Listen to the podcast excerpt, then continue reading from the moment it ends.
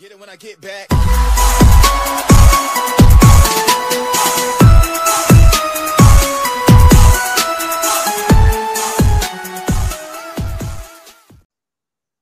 datang di Mapaba, mari pada baca. Ini adalah episode kita yang terbaru. Nah, sekarang kita rekaman bareng pendengar lagi. Ini pembahasannya menarik nih.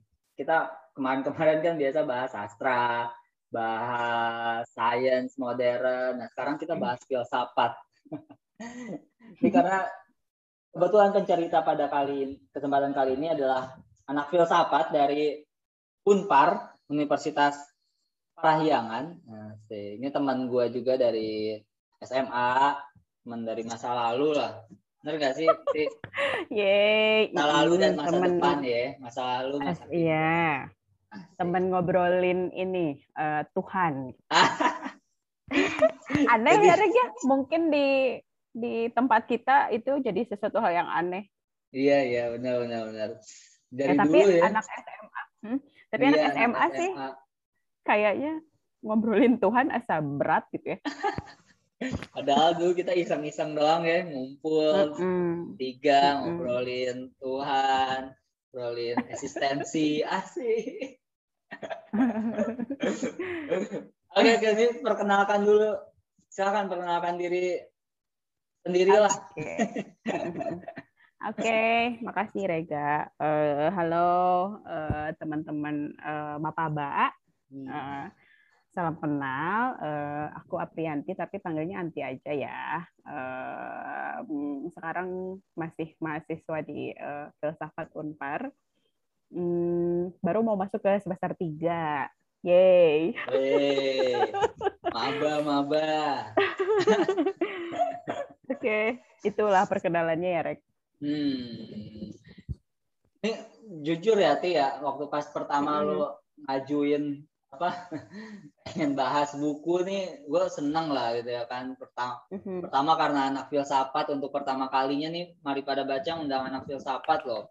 Kemarin kemarin kita undang anak sastra, sejarah, anak psikologi. Ini pertama kali anak sastra loh. Patut Hmm. dibanggakan lah.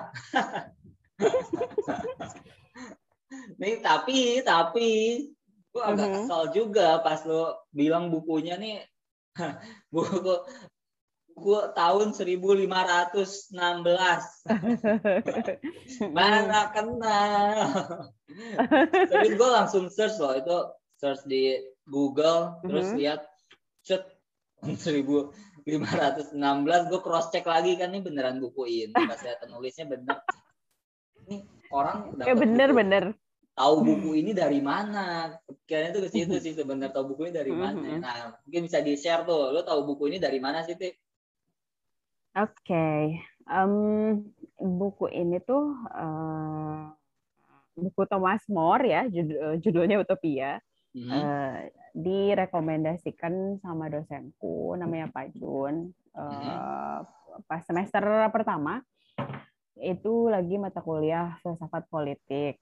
Memang lagi bahas utopis-utopis gitulah gitu, tapi eh, tidak serta merta ya kita lagi ngobrolin dunia idenya eh, Plato termasuk eh, negara paripurnanya gitu ya si. Plato itu gitu terus dia ngasih rekomendasi bahwa buku ini sambil nunjukin gitu ya dia juga punya Hmm. bukunya gitu eh, bisa ngasih perspektif lain terkait eh, eh, negara atau apa ya pemerintahan gitu ya eh, konsep-konsep seperti itu gitu Hmm. eh, yang dikasih judulnya tuh Utopia gitu. Terus Hmm. kata si Pak Jun sih bilangnya coba baca terus eh, ini tuh belum diterjemahkan juga ke bahasa Indonesia gitu kata dia gitu.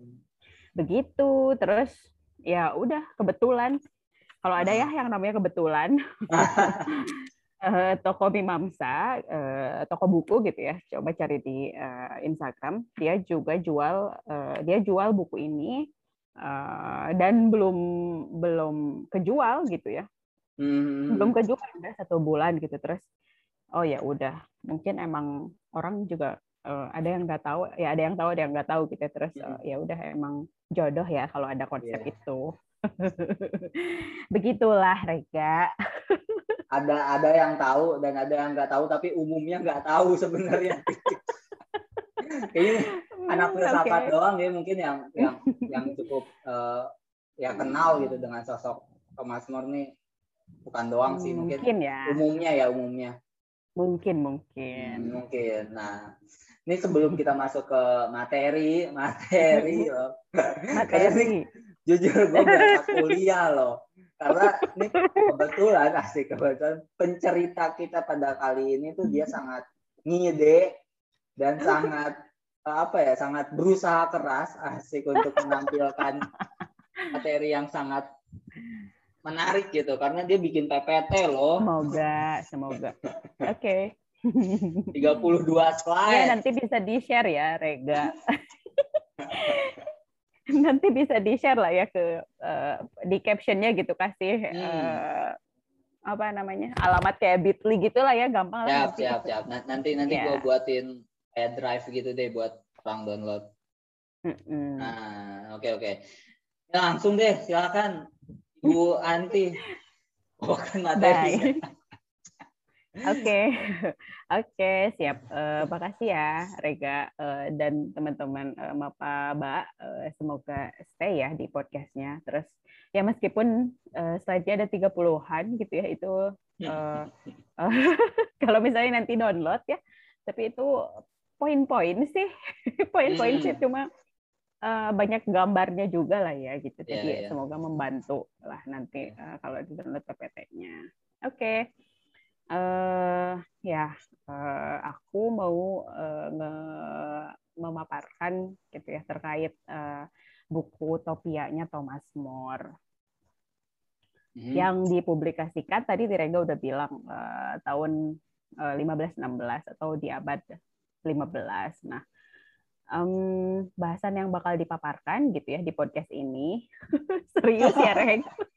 iya nih gue serius banget loh gue ngeliatin serius loh ayo lanjut lanjut Sebenarnya ini pembawaan juga ya gitu, tapi biasa aja sih ini coba bahasanya agak baku-baku gimana gitu ya. Jadi kayak padahal biasa aja lah ya. Oke, nanti tuh yang bakal diobrolin gitu ya sama aku di di podcast ini gitu ya. Eh, tentang Thomas More-nya, terus konteks mengapa sih eh, apa sih yang dimaksud utopia gitu ya di buku ini, terus karakter tokoh yang muncul, isi bukunya tentunya. Hmm. Terus eh, kritik terhadap buku itu dari aku ya, berarti secara subjektif gitu. Tapi itu Oke. bakal aku sampaikan setiap slide kira-kira gitu ya. Jadi eh, termasuk reflektifnya gitu ya gimana Hmm. gitu itu di tiap slide-nya. Itu sih. Oke. Kenapa kenapa aku mau ngobrolin Thomas More itu siapa? Kayaknya Hmm. kalau menurutku eh, ini ya hmm, karya seseorang tidak lepas juga dari pengalaman dirinya gitu di hidupnya gitu dia dia siapa dia ngapain aja di hidupnya masa kecilnya gimana mau tidak mau menurutku itu eh, sedikit atau dalam porsi besar bisa mempengaruhi cara pandangnya eh, di ketika dia eh, dewasa Hmm. meskipun tidak selalu ya tidak selalu dan tidak serta merta gitu Hmm. itu. Nah, Thomas More, hmm, dia Santo, lahir di London eh, tahun 1478, berarti abad 14. Eh, terus eh, ya dia lahir di eh, ini ya bapaknya lawyer pengacara gitu ya yang nantinya juga Thomas More juga belajar hukum gitu dan jadi pengacara kayak bapaknya. Nah, unfortunately eh, dia eh, meninggal eh, eh, pada tahun eh, 1535 berarti ini ya eh, apa namanya buku bukunya Utopia itu eh, setelah dia meninggal dipublikasikannya gitu bukan sama dia gitu ya Bukannya Eh. publikasinya 19 eh, 15 16 ya? Oh ya sorry sorry oke makasih Rega Hmm. Iya makasih Rega deg-degan ya deg-degan ya Ah, Oke. nice nice catch oke Siap. Terus eh, ya karena eh, dia meninggal karena eh, menolak menjadi ketua gereja Inggris. Ini tuh eh, tapi ada source juga yang bilang kalau misalnya um, dia dia bikin karya-karyanya tuh memang ngekritik uh, pemerintahan uh, dan uh, terlalu um, pedas gitu ya atau uh, terlalu ya itu kan terjadi ya di kita juga ya Reng ya. Iya iya iya benar benar benar. Meskipun pemerintahnya mengelak gitu ya dia dia di hmm. dia di uh, dia dipenggal karena urusan politis gitu tapi ya uh, ini juga politis ya dia dia menolak menjadi ketua gereja Inggris karena uh, pembacaanku uh, dia menolak ajaran uh, Kristen yang ortodoks gitu. Hmm. Itu. Terus um, gitu itu pembacaanku ya nanti hmm. harus ada dis, ada harus ada disclaimer seperti itu uh, okay. terus uh, dia sering dianggap sebagai humanis uh, dan adalah seorang negarawan karena uh, aku sebut negarawan karena ya dia secara praktik memang dia menjadi kanselir Inggris pada uh, 1529 1532 itu hmm. terus ya uh, privilege uh, family lah ya katakanlah Thomas More ini karena dia juga uh, bisa akses uh, uh, bisa akses sekolah di Oxford, hmm. belajar Latin, logika formal dan ya tadi bapaknya juga lawyer uh, dan akses menjadi negarawan juga uh, bisa dibilang itu uh, privilege lah ya uh, dari hmm. keluarganya. Gitu. Dia Santo sekaligus lawyer ya? Iya, iya, ya. Oh. Santo uh, sekaligus lawyer kayak gitu. Ya emang bisa sekaligus. emang oh. dia harus pilih salah satu. oh, iya, gua gua kira tuh kalau udah jadi pemuka agama gitu tuh menghilangkan duniawi gitu nggak sih? oh, enggak lah. kalau di tradisi kalau di tradisi Kristen uh, hmm. mau tidak mau kan uh, budayanya filsafat dia selalu kait kelindan sama sejarah uh, gerejawi ya, gerejawi oh, gitu okay. dia.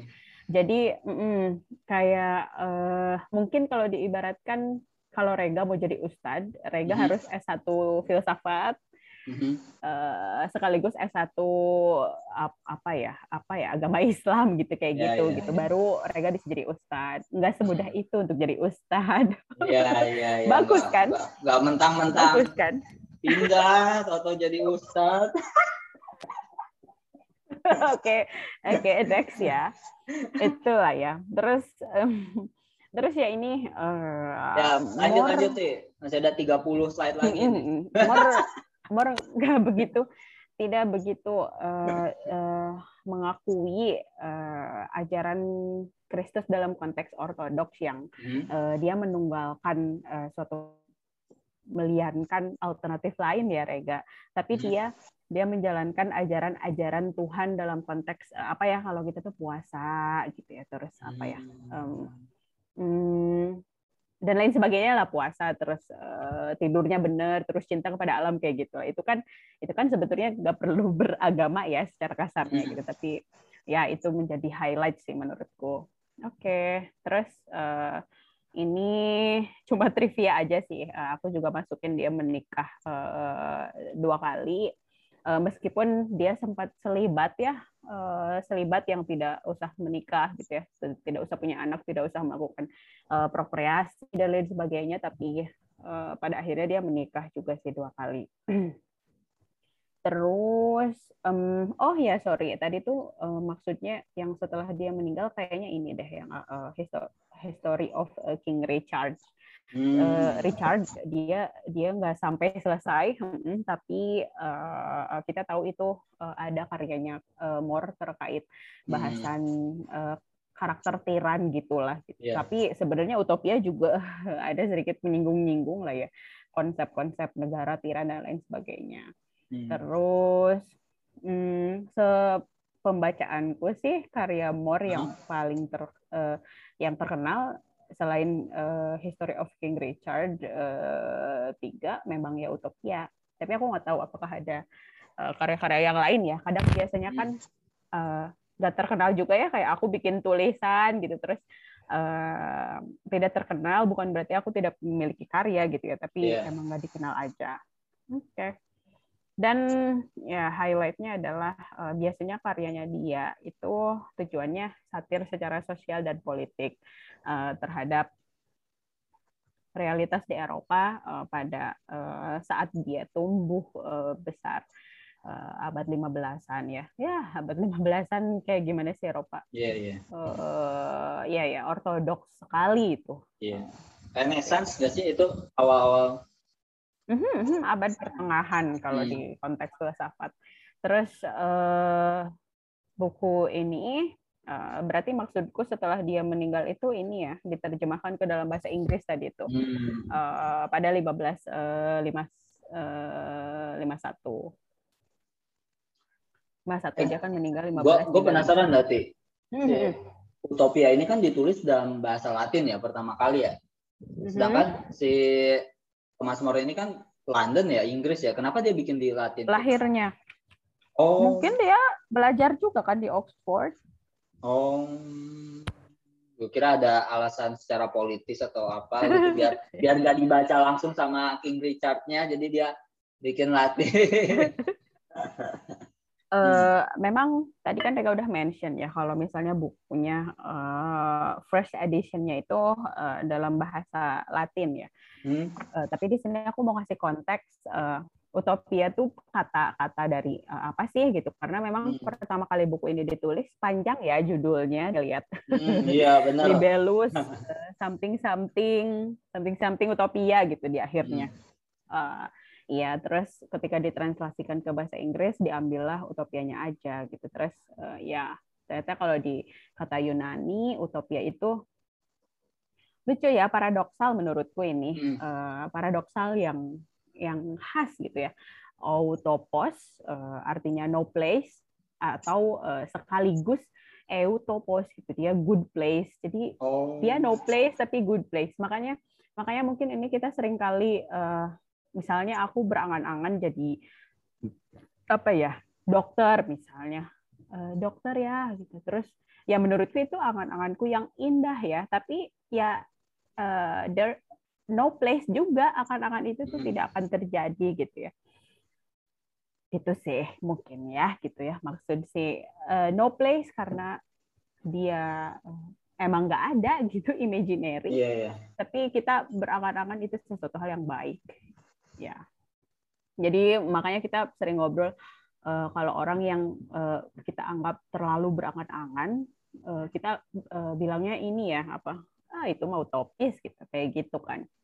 Mm -mm. terus oke okay. uh, ya ini terjemahannya sih yang Latin yang panjang itu uh, judul originalnya a little uh, true book not less beneficial than enjoyable about how things would be in a state and about the new island utopia. Emang ini ngobrolin negara. Ya. Emang ini ngobrolin negara ya, udah dikasih tahu. Utopia yang dimaksud more uh, itu adalah polis negara hmm. kota hmm. yang masyarakatnya uh, mungkin tidak secara eksplisit pagan ya, tapi dan juga tidak semua dan dia menjalankan sifat-sifat komunal. Beberapa source uh, langsung nyebutnya komunis, uh, komunis uh, uh, ideologi ya, karena memang di halaman berapa memang memang uh, disebutkan secara eksplisit juga komunis gitu, mm-hmm. kata komunis gitu uh, dalam melaku ekonomi, dalam kesehariannya. Terus uh, ya aku kira ini jadi kontras apa yang terjadi di Eropa pada 15-an uh, itu kan menuju ini ya Rek, uh, menuju uh, kalau kita tahu revolusi industri yeah, gitu yeah, ya.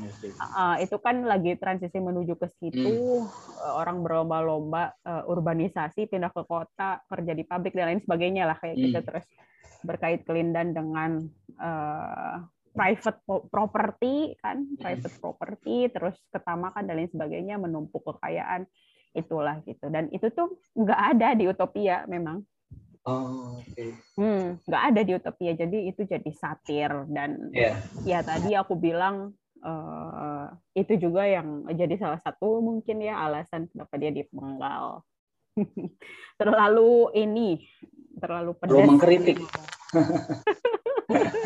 ya itu terjadi ya penyakit kayak gitu coba yeah, yeah, benar, benar. yang lalu hmm. nah ini uh, di edisi uh, uh, jadi uh, apa namanya ini tuh uh, aku lupa deh ini Kendall uh, eh, apa first publish Enggak, first publish di bahasa Oke. Inggris. Kalau nggak salah tuh juga sama juga sama ininya. Ini tuh apa nih? Eh, in infografis gitu ya atau poster terkait ut- eh, utopia tuh kayak gini loh gitu. Hmm.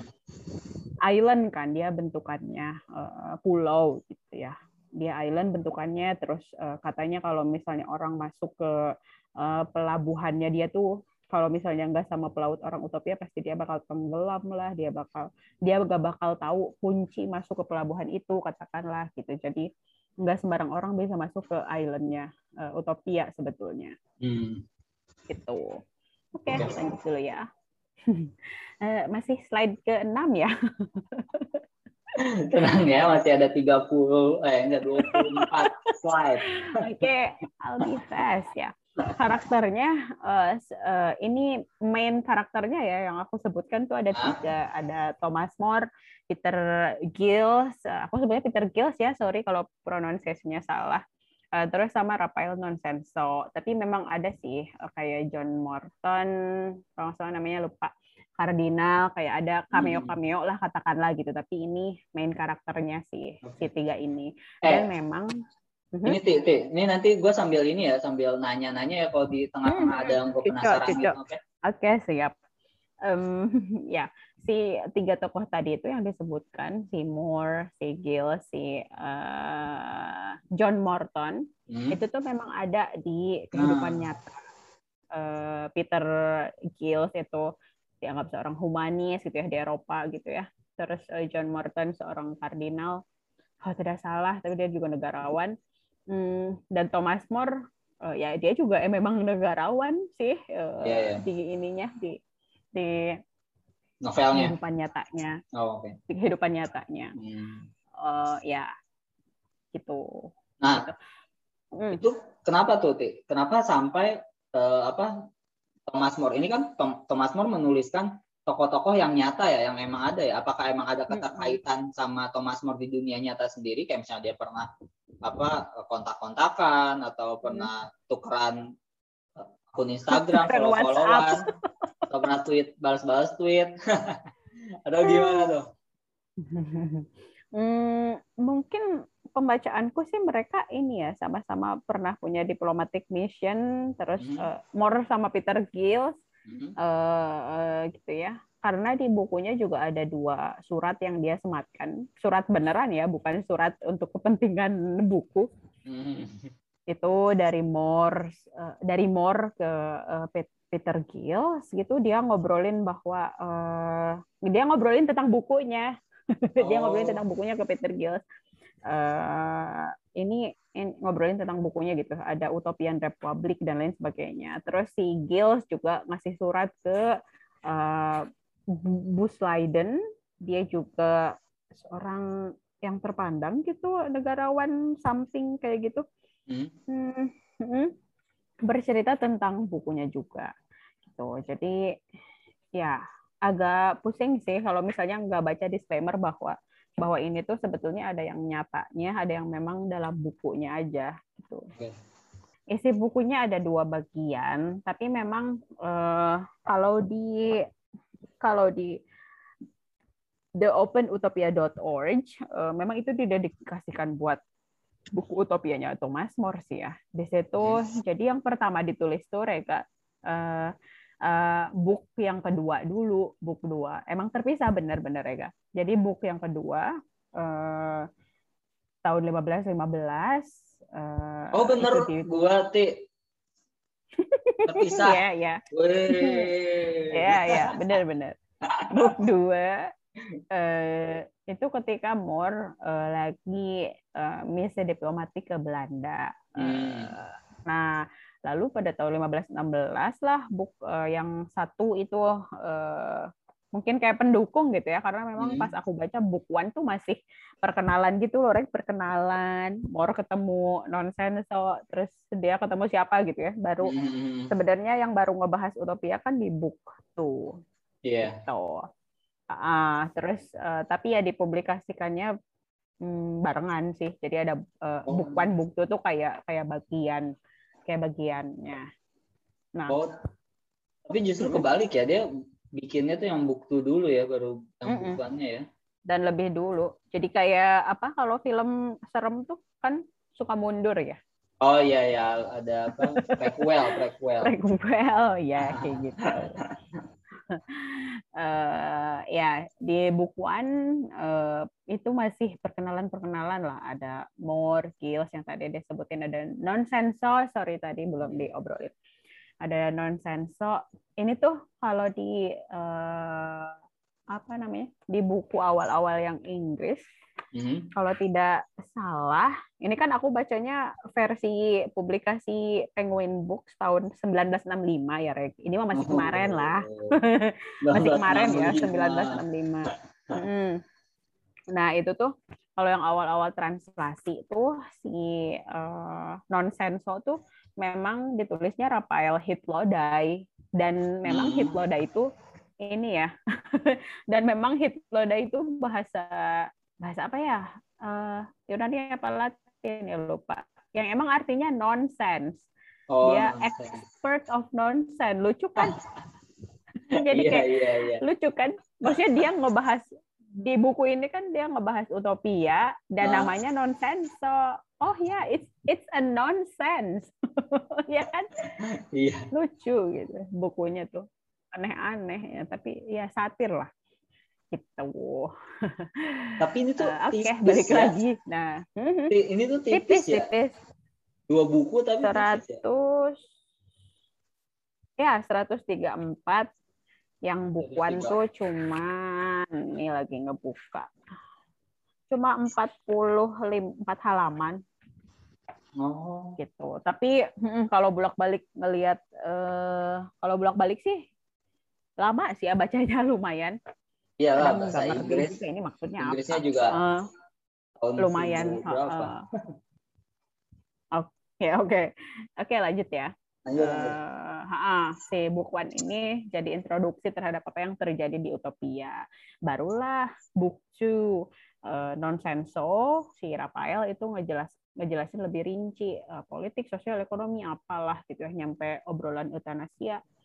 Uh, terus uh, apa ya?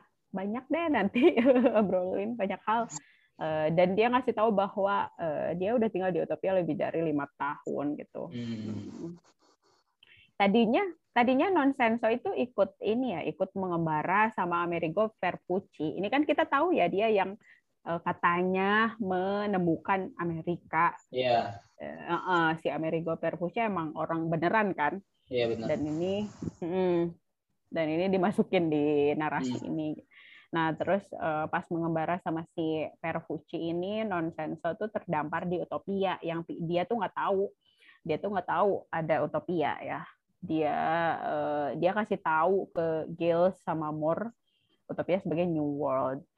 Nah, uh, ini tuh yang ngenalin ke yang ngenalin ke Nonsenso tuh Gilles uh, ngenalin non sensor ke Thomas More. Dan Thomas More juga uh, pengen kenalan gitu. Dia dia lagi kunjungan ke Antwerp.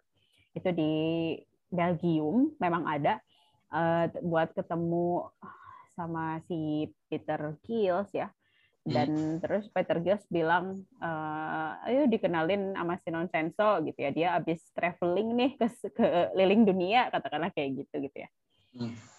Terus ya udah deh uh, kirain dia uh, ke apa sih nah koda kapal atau apa gitu ya. Uh, janggutnya panjang dan lain sebagainya. Terus ternyata oh dia ngasih tahu terkait si utopia itu ke Thomas More. Nah nah di utopia uh, kata nonsenso ada banyak aturan yang uh, bisa diadopsi sama konteks reformasi aturan di Eropa hmm. secara keseluruhan dan nonsenso di utopia juga uh, sebenarnya dia tidak berniat seperti itu ya, tapi kok aneh ya ada negara yang sangat uh, structured terus uh, organized gitu ya, terus uh, uh, oh. dan dia bisa dan dia bisa bertukar pikiran di sana.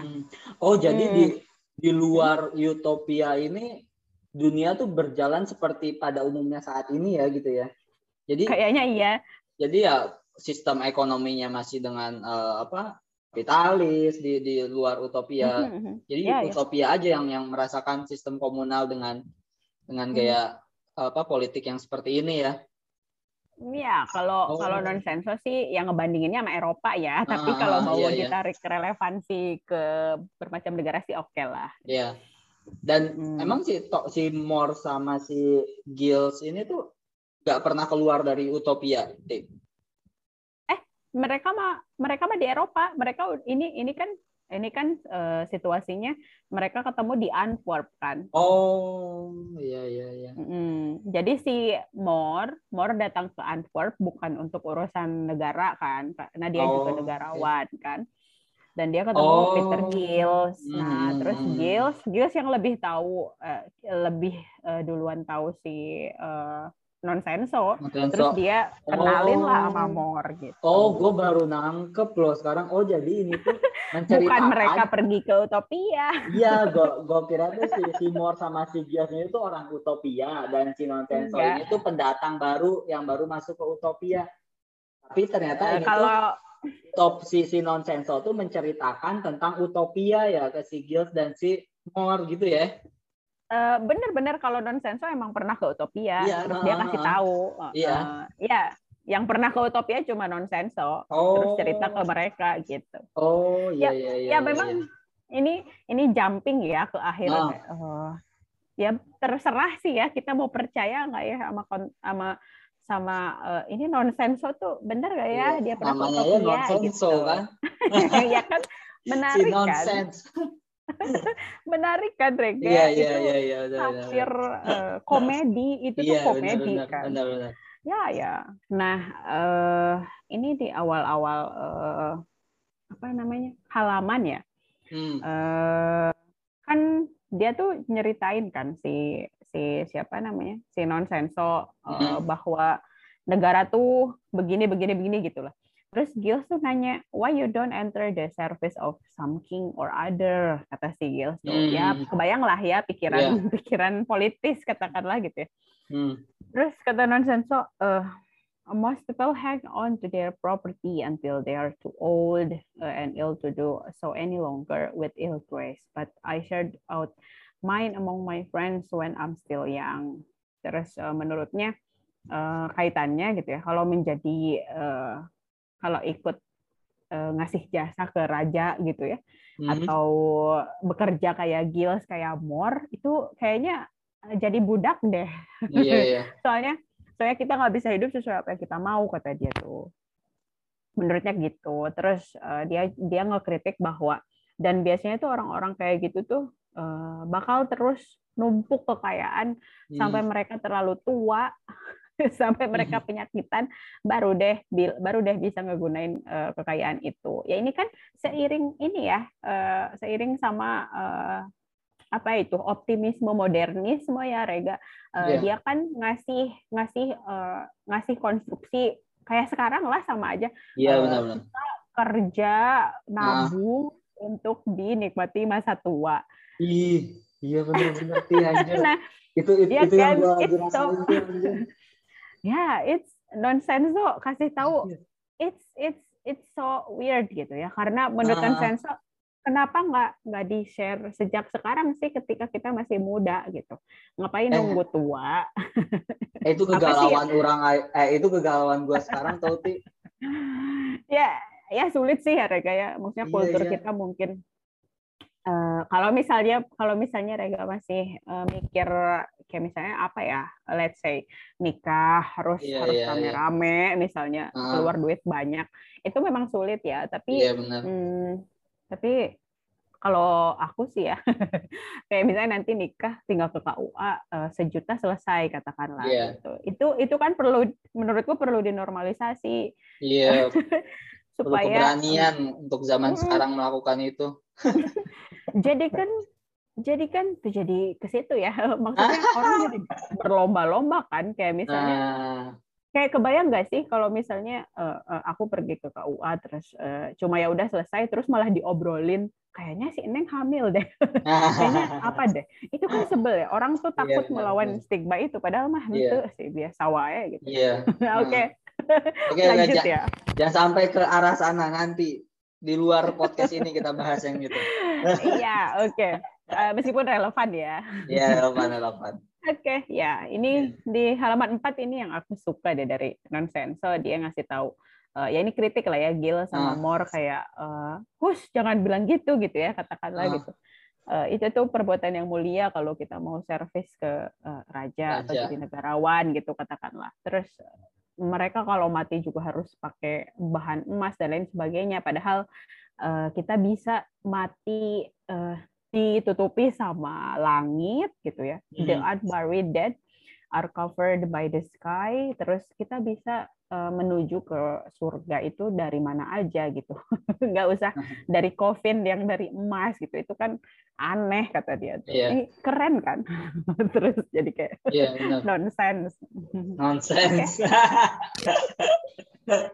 menurut uh, eh, Nonsensa tuh uh, ngapain juga servis ke uh, raja gitu ya si raja tuh uh, hanya tertarik kepada uh, perang. Uh, dia bahkan lebih anxious lebih insecure insecure sama sama ini ya uh, hook hook apa sih? Uh, ya pokoknya ber, uh, dalam konteks bermacam alat-alat uh, perang uh, ya. Uh, gitu. Untuk untuk mendapatkan uh, kerajaan yang baru daripada uh, mereka ngatur apa yang sudah mereka miliki gitu.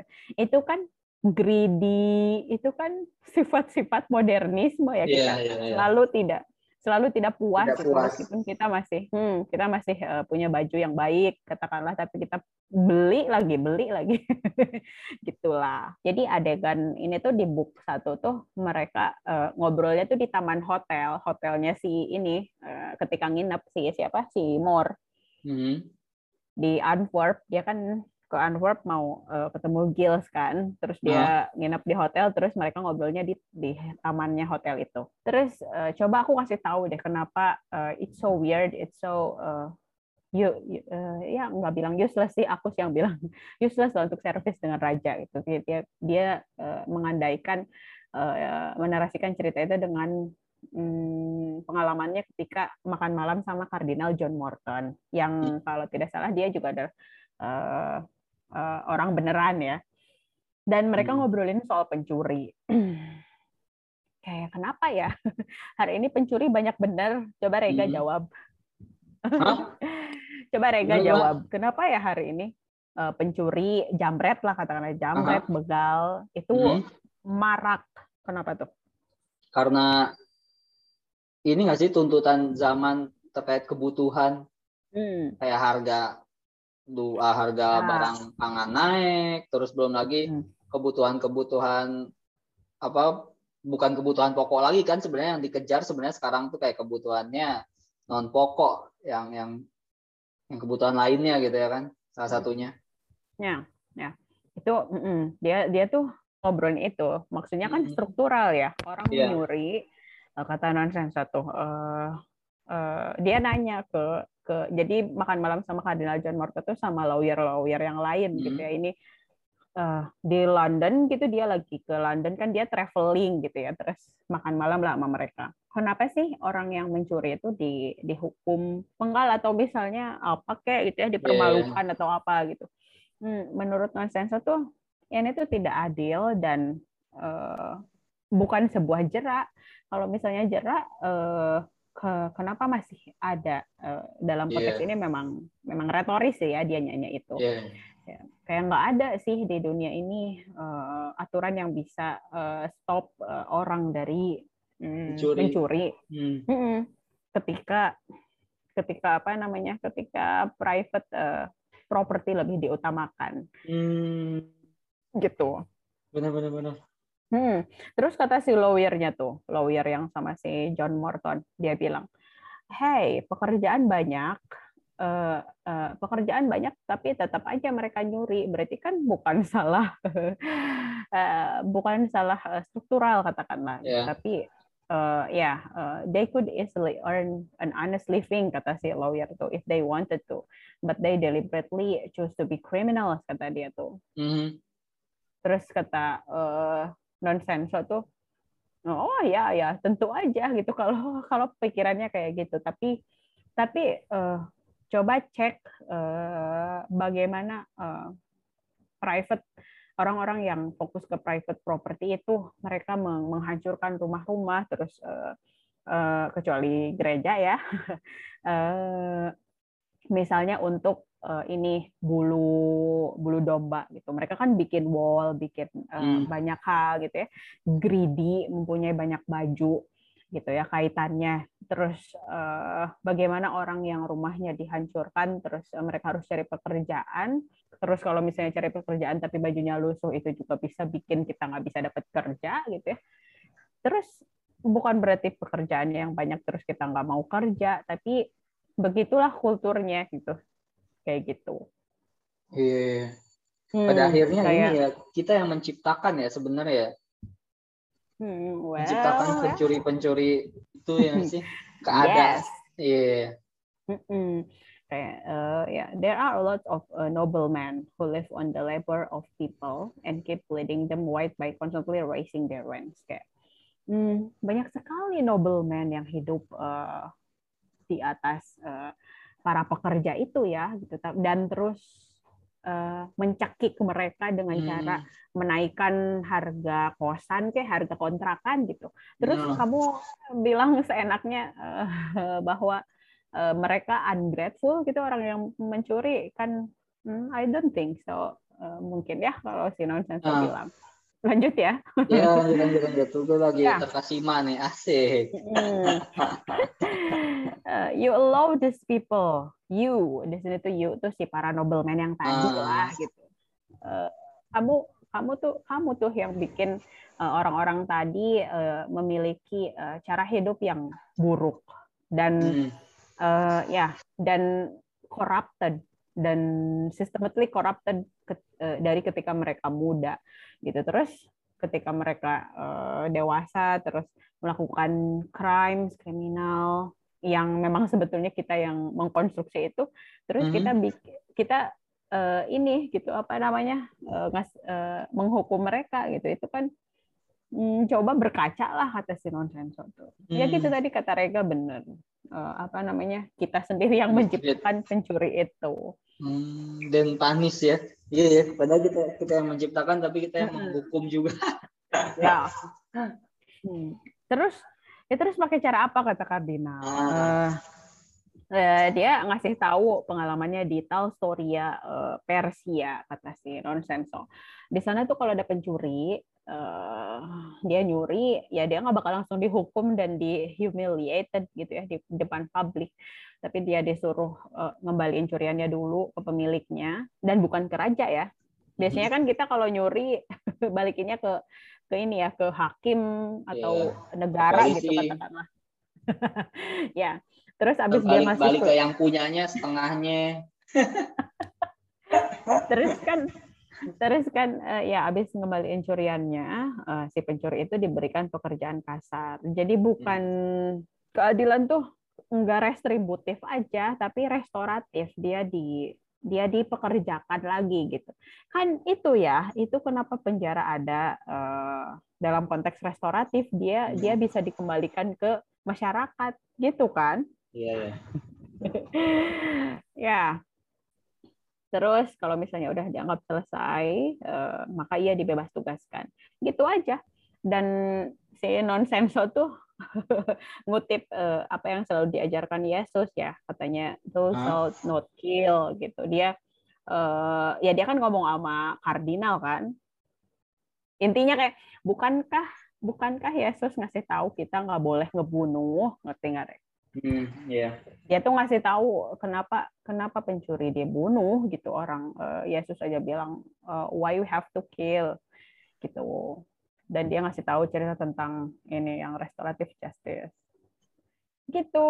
Nah terus hmm, ngasih tahu lah si Moore terkait uh, happy state uh, negara yang happy uh, uh, uh, yang ngutip uh, uh, Plato ya. Dia hmm. dia bilang kalau misalnya Plato uh, happy state itu kalau misalnya filsuf raja itu jadi pemimpin yeah. di negaranya. Hmm. Terus um, apa namanya? Kalau misalnya bukan uh, philosopher king, mm-hmm. uh, coba contoh di Happy Land, negara dekat utopia. Lucu kan nama negaranya? Yeah, Happy, Happy Land. Rajanya rajanya itu uh, harus berjanji tidak memiliki lebih dari seribu pounds emas uh, dalam kekayaannya. Uh, makanya nggak ada konteks private property kan gitu. Kalau hmm. misalnya lebih dari seribu pounds kekayaan dia, maka dia dibebas tugaskan atau bahkan di, di dihukum gitu ya karena hmm. karena menjalankan private kepemilikan gitu kepemilikan private gitu jadi hmm, kalau misalnya tadi kan uh, misalnya raja numpuk baju-baju yang dari wall yeah. Iya. bagus gitu ya itu kan secara struktural bikin bikin kontrakan naik dan lain sebagainya kan ini kayak uh, kata non tuh kalau misalnya kita masih ngukur uh, keadilan sama duit gitu ya dan selama masih ada private property uh, ya maka semuanya bakal diukur sama duit yang mana bakal corrupted aja gitu menurut si Nonsenso makanya dia ngasih tahu terkait si Happy Land ini. Ini kan hmm. bagus ya? Yeah. menurutku sih bagus meskipun utopis. Iya yeah, iya yeah, meskipun utopis. Ya bagus meskipun... karena utopis justru. Tapi ya tapi kan kita juga kalau pemilu uh, pasti selalu dihitung ya kekayaan ya, kekayaan kekayaan uh, calon caleg misalnya ya. itu memang perlu kita kita hmm. perlu tahu kita perlu tahu kekayaan caleg itu berapa terus setelah dia selesai tugas jadi berapa gitu hmm. begindang oke okay. terus book one itu diakhiri uh, itu tadi sih itu kan cuma introduction uh, diakhiri uh, makan oh. siang terus uh, balik lagi deh ke taman hotel. Uh, intinya kayak aduh aku pengen tahu lebih banyak deh sama sama uh, Utopia misalnya ya. Hmm. uh, oke okay, kita ngobrol lagi lah habis makan siang kayak gitu. Akhirnya lanjut tuh di buk di buktu baru ngomongin soal utopianya ya. Uh -uh. oke okay, lanjut ya. Ya tapi gua rasa emang buktu ini tuh menjawab pertanyaan gua di eh pertanyaan-pertanyaan yang muncul di buk satu sih gue pun dari bukuan ini gue banyak banyak memikirkan tentang utopia ya kayak mm. terus kalau misalnya pemerintahannya tentram atau misalnya ya ke, ke, ke apa nggak nggak nggak ada ketimpangan uh, dalam hal ekonomi terus konflik yang ada di negara itu kayak gimana? Bagaimana negara itu yeah. berjalan atau kayak gitu gitu. Nah kan? Yes, yes exactly what uh, been question ketika ah. baca bukuan gitu kayak ah, ah. Masa sih? gitu. Masa iya, sih? iya. tapi kan tapi kan utopia.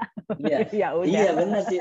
Tapi tapi ada ada satu ini tuh gue berpikir ketika uh, semua ketika sistem ekonominya uh, yaitu komunal ya atau mungkin uh, nggak ya. nggak nggak nggak nggak ada nggak ada ketimpangan di masalah ekonomi hmm. apakah masyarakatnya akan akan akan uh, memiliki ambisi untuk uh, hmm. maju gitu ya kan untuk kayak ya, memperbaiki menumpuk. teknologi atau mengembangkan oh, ya. bisnis atau lain sebagainya. Nah itu gimana tuh kalau di utopia? Ada nggak di okay. buku? Nah di buku gimana? Uh, itu akan dijawab di buku yang hmm, akan aku boleh, sampaikan. Silakan, okay. lanjutkan. ya, yeah, it's a nice intro. So, jadi uh, ya buku ini nah, tadi kan udah dikasih uh, tahu ya ini hmm, makin detail lah yang ngejelasin sistem pemerintahannya seperti apa, sosialnya seperti apa gitu di Utopia. Nah ini hmm, mapnya mapnya seperti ini sih. Terus nunjukin seperti ini. Orang kan baca podcast ya. Kayak baca dengerin podcast. Iya ya nggak juga. Hmm. nanti lihat ya, di PPT-nya ya. ya gitulah ya Nah, uh, hanya orang utopia yang tahu uh, di mana bisa melabuhkan kapal karena uh, uh, kayak ada karang dan lain sebagainya. Kalau misalnya nggak ada nggak uh, ada nahkoda orang utopia tuh biasanya uh, biasanya ini ya, biasanya dia bisa jatuh kayak atau apa si kapalnya gitu. Jadi jadi memang ini well kalau disebut isolated sih nggak juga, tapi orang juga sulit menemukan si utopia ini. Hmm. Gitu. Terus oke. Okay. Ini tuh secara historis di buku ini ya, si Utopia itu ditemukan uh, oleh Utopos. Utopos atau Sanskulotia. Terus uh, disebutnya sih ia mengubah orang-orang liar. Uh, uh, liar tuh mungkin ini ya pirates dan orang-orang yang di pulau itu sebelum jadi Utopia. Hmm. Terus menjadi uh, civilized. Tapi perlu berhati-hati lah di sini kan kalau bahas civilized itu kayak superior inferior ya gitu. Tapi yeah, dalam yeah, ya dalam konteks ini ya perubahan penemuan utopos pada orang-orang sebelum adanya utopia lah gitulah. Hmm. Nah, terus oke, okay. ini semacam administratif info lah ya. ada 54 ada 54 kota di Pulau Utopia. Uh, coba bayangin lah ya, terdapat 54 yeah, yeah. kota tuh kayak apa ya di pulau ini dengan tradisi bahasa dan kebiasaan yang sama. Uh, nggak ada yang namanya kayak kita punya bahasa Indonesia tapi beda-beda ya bahasa daerah enggak. Hmm. Ini sama aja semuanya. Tiap kota uh, berjarak eh, berjarak uh, 6 km bisa satu hari jalan kaki. Lumayan lah ya gede kalau tiap kotanya berjarak 6 kilo. Terus uh, setiap setahun sekali setiap kota uh, berarti tadi berapa 54 akan mengirimkan tiga perwakilan Eh, dari mereka gitu ya ke Air Castle itu tuh ada di tengah-tengah gitu ya si ibu kotanya hmm. untuk ngobrolin kepentingan pulau kayak apa kita mah munas kali ya musyawarah nasional atau hmm. apa gitu hmm, Air Castle tuh dijadikan ibu kota karena berada di tengah-tengah pulau ini kan bagus ya maksudnya adil dalam yeah. konteks jarak gitu enggak enggak yang karena dia lebih maju misalnya.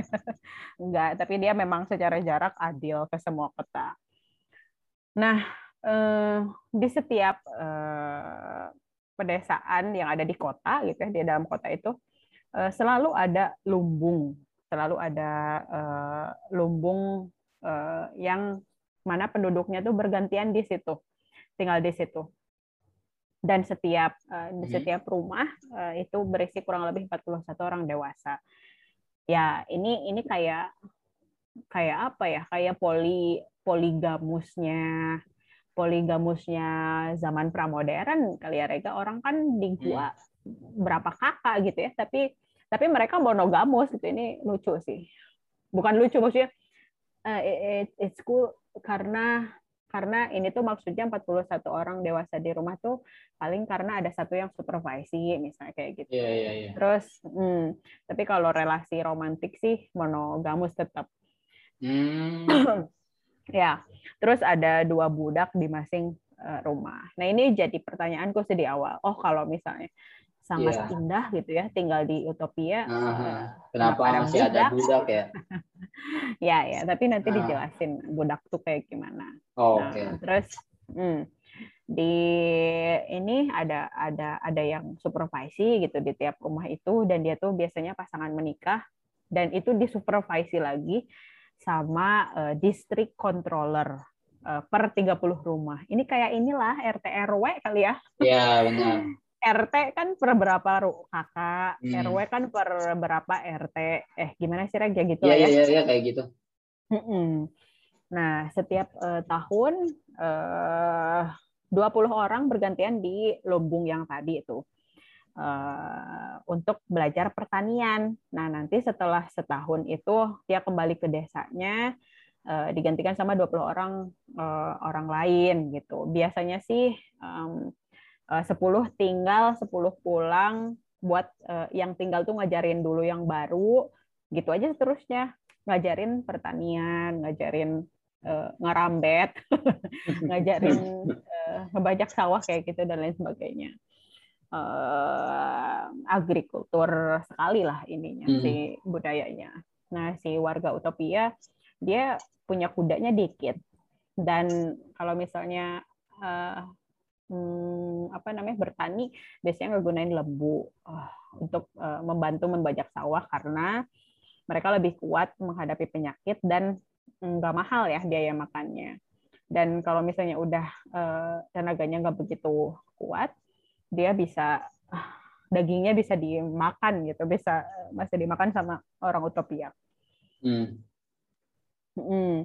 Terus uh, mereka juga bertanam jagung, itu digunakan untuk membuat roti atau apalagi gula misalnya.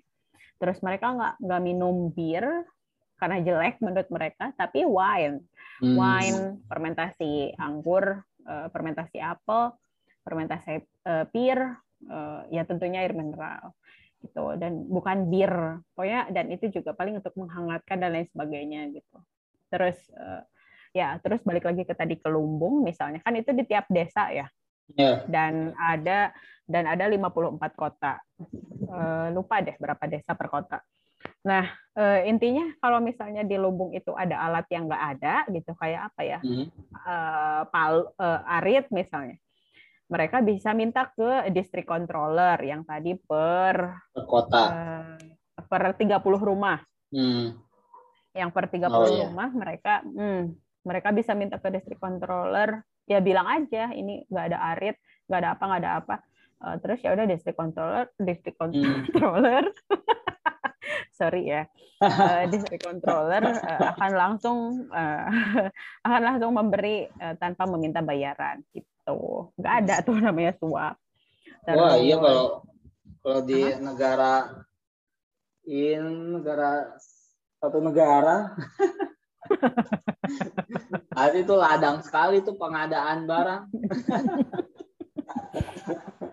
ya, oke. Okay. Nah terus uh, air kalau air oh tentu bersih di Castle, di uh, ibu kotanya dia sangat fresh airnya nggak terkontaminasi dengan apa pun uh, well nggak ada uh, uh, private property terus uh, jadi setiap rumah itu selalu dialokasikan dengan adil gitu sih airnya tuh. Dan bahkan ini menarik ya jadi hmm. setiap rumah itu selalu bergantian Greg setiap 10 tahun berganti pemilik kayak digeser gitu loh. Hmm. oh. Dan nggak ada yang dan nggak ada yang rumahnya. uh, kemis nah, rumahnya. Dan nggak oh. ada yang eh bukan rumahnya orangnya tuh beda pemilik kayak digeser digilir. Jadi dan dan nggak ada yang jealous atau apa karena rumahnya juga sama semuanya hmm. oh ini kayak ini ya kayak cuma kan kayak apa kayak kota di bikini Bottom itu yang si Squidward tau gak sih lo Enggak. ya ini ya. ya ini kan jadi memberi kesempatan ke ke warga yang di utara bisa oh, iya, bisa merasakan. bisa ting, bisa merasakan di selatan gitu lah. Hmm. Oke, okay. ini pemerintahannya sekilas saya. Eh tapi uh, ini tau hmm? gue merasa uh, ada beberapa kesamaan gak sih sama uh, ini ya di Banten tau gak sih lo yang yang suku Banten Baduy. itu Baduy, Baduy, iya gak sih? Eh, mm -hmm.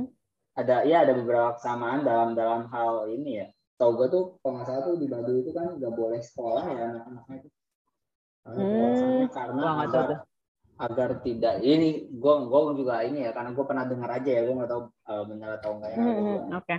pernah sana yeah. Nah, nggak nggak nggak pernah nggak nggak sekolah karena dengan alasan agar tidak tidak mengetahui apa dunia luar sih lebih ke biar biar biar nggak nggak nggak neko-neko gitu pikirannya. Hmm kan oh, juga oh, menjaga menjaga kelestarian uh, sistemnya gitu Baduy juga kan kayak gitu ya Hmm, ya uh, mungkin ini ya uh, uh, apa namanya kayak misalnya dia nggak uh, uh, yang dalamnya tuh baduy dalamnya nggak ada listrik kan Iya, iya. Nggak ada listrik, terus uh, itu kan bukan berarti mereka nggak mau ya, tapi ya. mereka mencoba mencoba menjaga uh, apa yang mereka tradisi gitu ya. Hmm. Yeah. Oke. Okay. Oke okay, lanjut. lanjut ya. ya. Ini hmm, populasinya sih di Utopia tuh dibagi ke dalam uh, 30 uh, kepala keluarga. Setiap uh, kepa 30 kakak tuh ada satu ketua yang disebut steward. Nah, si oh ini pembagian ini, ininya ya kayak uh, uh, ketua-ketuanya terus. Iya, ya. Hmm. Nah, ini yang tadi district controller kan, hmm. steward tuh. Jadi kalau nanti ada disebut steward itu district controller. Nah, setiap 10 steward, dia juga memiliki satu ketua lagi, namanya senior district controller atau benchiter. Nah, terus, nah setiap kota memiliki 200 steward. Berarti kira-kira jadi kayak matematika ya. Jadi, berapa kepala keluarga yang ada di kota itu? soal cerita nih. eh, tapi gitu lah. Sedetail itu berarti ya hmm? apa uh, Thomas More menggambarkan utopia hmm, itu sedetail itu gitu. Ya. ya ya bisa dibilang seperti itu terus um, nah nanti si 200 steward ini uh, bertanggung jawab memilih wali kota jadi dia di didelegasikan lah di tiap uh, dari hmm. dari kepala keluarga gitu ya si steward ini buat milih wali kota atau disebutnya barzans atau no people lucu kan no people, no people? ya nggak tahu itu nama di oh, nama di sininya gitu, jadi wali kota ya? tuh wali kota tuh disebutnya no people hmm. uh, melalui secret, secret uh, ballot ya uh, dia uh, pemilihannya uh, apa apa tertutup. Nah dia bakal ada empat kandidat per uh, seperempat tiap kota yang didaftarkan jadi wali kota ke Council of Benchiter ya. Ini kayak ininya lah, ini mah secara strukturalnya seperti itu. Oke, nah ini menarik nih. Setiap tiga hari si benchiter ini uh, atau si senior district controller ya, berarti hmm. setiap uh, 10 setiap 10 steward kan, 10 steward hmm. berarti 300 kakak kan. Hmm. Uh, intinya setiap tiga hari si benchiter ini uh, ngadain pertemuan sama wali kota buat bahas public affairs. Terus uh, kalau misalnya ada masalah diselesaikan uh, yang mana adalah jarang. Terus uh, si steward, uh, si district controller, termasuk wali kota, uh, mereka tuh nggak boleh ngebahas kepentingan politis kecuali hanya di uh, katakanlah DPR misalnya. Hmm. Kalau di luar tuh nggak boleh karena takut adanya kudeta atau plotting. Kayak misalnya ada masalah apa pokoknya dia harus didiskusikannya cuma di, di gedung itu misalnya. Hmm. kalau misal dan biasanya kalau misalnya ada perkara masalah atau bahkan apa yang didiskusikan dia akan didiskusikan di hari A misalnya. Terus mereka kembali lagi tiga hari kemudian kan ini tiga hari sekali kan? Hmm. uh, barulah mereka ngobrolin uh, solusi itu kan baik ya kita punya waktu buat uh, berpikir hmm tapi terus hmm? ini ya ya, gue kalau melihat dari uh, sudut pandang yang berbeda, melihat uh, sistem yang dibuat ini uh, sangat rapi dan dan tapi di di satu sisi ini penuh dengan kontrol ya sebenarnya ya. Ya, nggak? ya nggak sih? Ya. Di satu sisi penuh ya. dengan kontrol dari pemimpinnya gitu, pemimpin atau pemegang sistem lainnya ya nggak sih? Supervisor. Hmm, iya, iya supervisor. sih. Iya dan dan hmm. pada akhirnya ya makanya gue rasa yang tinggal di utopia ini bukan manusia jadi nggak punya hasrat atau nafsu karena ya salah satu syarat untuk mengikuti aturan-aturan yang berlaku secara bertahun-tahun gue rasa salah satu syaratnya ya hmm. tidak memiliki hasrat dan yeah. nafsu lainnya ya ya nggak sih oh well ya, ya. Tapi iya tapi, iya ya, itulah coba utopia taruh inilah ya. Uh -uh. lanjut lanjut lanjut lanjut. Oke. Okay. uh, ya ini sih tadi ini ya kenapa tiga hari untuk uh, dikasih waktu untuk berpikir? Karena hmm, karena seolah-olah berpikir lebih uh, utama daripada ngobrol gitu. Hmm. itu sih biasalah terus uh, ya kondisi kerja hmm, cuma ada satu job sih di warga utopia itu hmm. terlepas dari uh, seks ya prokreasi hmm. bagi hmm. yang bagi yang tidak selibat yaitu ya hmm. bertani bertani itu dan uh, menjadi edukasi kepada anak-anaknya itu dari kecil diajarnya bertani uh, terus berdagang uh, maksudnya bertani jadi job uh, berdagang juga uh, dia orang-orang utopia nanti uh, biasanya uh, punya keterampilan memproses wool, uh, atau misalnya blacksmith itu apa? Kayak bikin ini ya hmm, pemahat. uh, uh, gitu ya atau carpenter. Hmm. uh, dan itu tuh nanti hasilnya bisa didagangkan di diekspor gitu dari hmm. Utopia gitu. Terus um, hanya iya. ada satu baju. Hmm? uh -huh dan mereka tuh cuma punya satu baju cuma ganti dua tahun sekali. Wah utopis banget. Ini ini jadi kritik ke uh, uh, ya itulah mungkin lagi gembornya ini ya gembornya uh, pemintal pemintal nah. kan orang jadi punya baju ya dulu juga Eropa kan punya baju cuma satu kan satu dua piece ya kan nggak tahu piece, iya dua piece iya iya oh. dong iya dong Rega itu sebelum revolusi industri dan sebelum oh. munculnya pemintal Gila, tenun Gila, gue gelap loh, Ti, soal itu. Eh, sama-sama. Oh, iya. Oh, oh, oh, iya. Yes.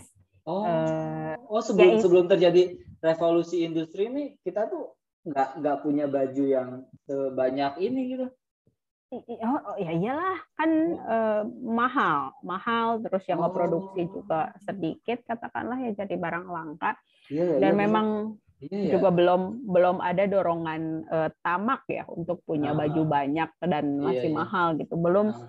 belum hadir fast fashion lah, belum ah. belum adanya belum adanya perbudakan yang ah. Di India lah, di Indonesia ah. lah misalnya.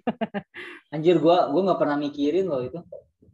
Okay, Jadi okay. ini ya mungkin hmm, wah kalau dibilang utopis utopis in a joke way oke okay lah tapi yeah, yeah, ini yeah. jadi satir sih satir uh, Eropa sebelum revolusi industri dia bisa uh, pakai oh, yeah. baju dan cukup hmm. Hmm, dan cukup uh, kayak gitulah gitu terus yeah, yeah. Uh, kayak satir gitu dia bilang ya lagian buat apa sih bikin baju banyak-banyak gitu? Ini kan nggak uh, ada juga yang apa namanya yang bersolek katakanlah gitu. Kayak ya ya weird sih ya tapi ya udahlah itu isinya begitu. Hmm. terus nah ini ada uh, ada akses yang uh, setara lah katakanlah antara uh, perempuan dan laki-laki ya di sini dalam konteks heteronormatif laki-laki atau perempuan boleh berdagang ini kan kritik ya pada tahun hmm. pada abad 15 kan boro-boro berdagang kerja aja kalau misalnya di uh, kalau misalnya di revolusi industri kayak misalnya biasanya perempuan dikerjakan di pemintal misalnya itu hmm. karena tangannya kecil dan bisa mengoreksi lebih cepat gitu si pemintal itu dan biasanya dipekerjakan perempuan sama anak dengan gaji yang kecil hmm. dan dengan 16 jam per hari misalnya itu sengaja sengaja aja gitu slavery gitu ini kan jadi kritik uh, uh, kalau di utopia perempuan bisa berdagang dengan uh, ya silahkan kalau ada ada kualitasnya gitu kalau mampu silahkan hmm. gitu meskipun uh, ya meskipun uh, ini jadi bukan apologis ya tapi tahun itu ya gimana sih ini ditulis aja sih uh, weaker sex are given the lighter jobs like spinning and weaving uh, memintal gitu ini kan hmm. uh, diandaikan bahwa perempuan weaker sex ya, uh, menurut Thomas More sebagai yeah. autor ya di di itu gitu, like spinning and weaving, and the men do the heavier one. Ya ini sih bukan seksis ya pada pada abad itu. Yeah. Ya bukan berarti nganolir lah gitu. Kalau hari ini sih nggak bisa nganolir ya Reg, tapi yeah. pada abad itu ya oke okay lah gitu. Terus uh, biasanya si steward tadi uh, district controller gitu dia bakal supervisi dan dia bakal memastikan nggak ada yang diam gitu ya. Pasti mereka semua bakal berpekerja. Uh, uh, tapi bukan berarti uh, kayak misalnya kita dengar kerja kerja gitu ya. Hmm. Tapi enggak, tapi enggak gitu. Dia dikasih uh, kerja 6 jam per hari, tiga jam di pagi hari, dua jam istirahat, tiga jam di sore hari. Terus uh, ini kan ideal ya, ideal sekali ya pekerjaan. Hmm. Dan biasanya kalau di kita sih, uh, biasanya kalau di kita gaji baik, terus jamnya baik tuh biasanya ini ya, Reg ya, NGO yang datangnya dari uh, yang dia ngepromosi promosiin ham-ham gitu ya. Tapi yeah, kalau yeah. misalnya pekerjaan korporasi pasti pasti dari jam 8 sampai jam 5 kan dengan gaji hmm. yang ya. Ya. Pada umumnya gitu gitu jadi uh, ya dan di sela-sela ini tuh hmm, istirahat tuh mereka bisa pakai itu untuk untuk belajar, untuk eh, apa bermain musik dan lain sebagainya gitu atau berdiskusi dan lain sebagainya.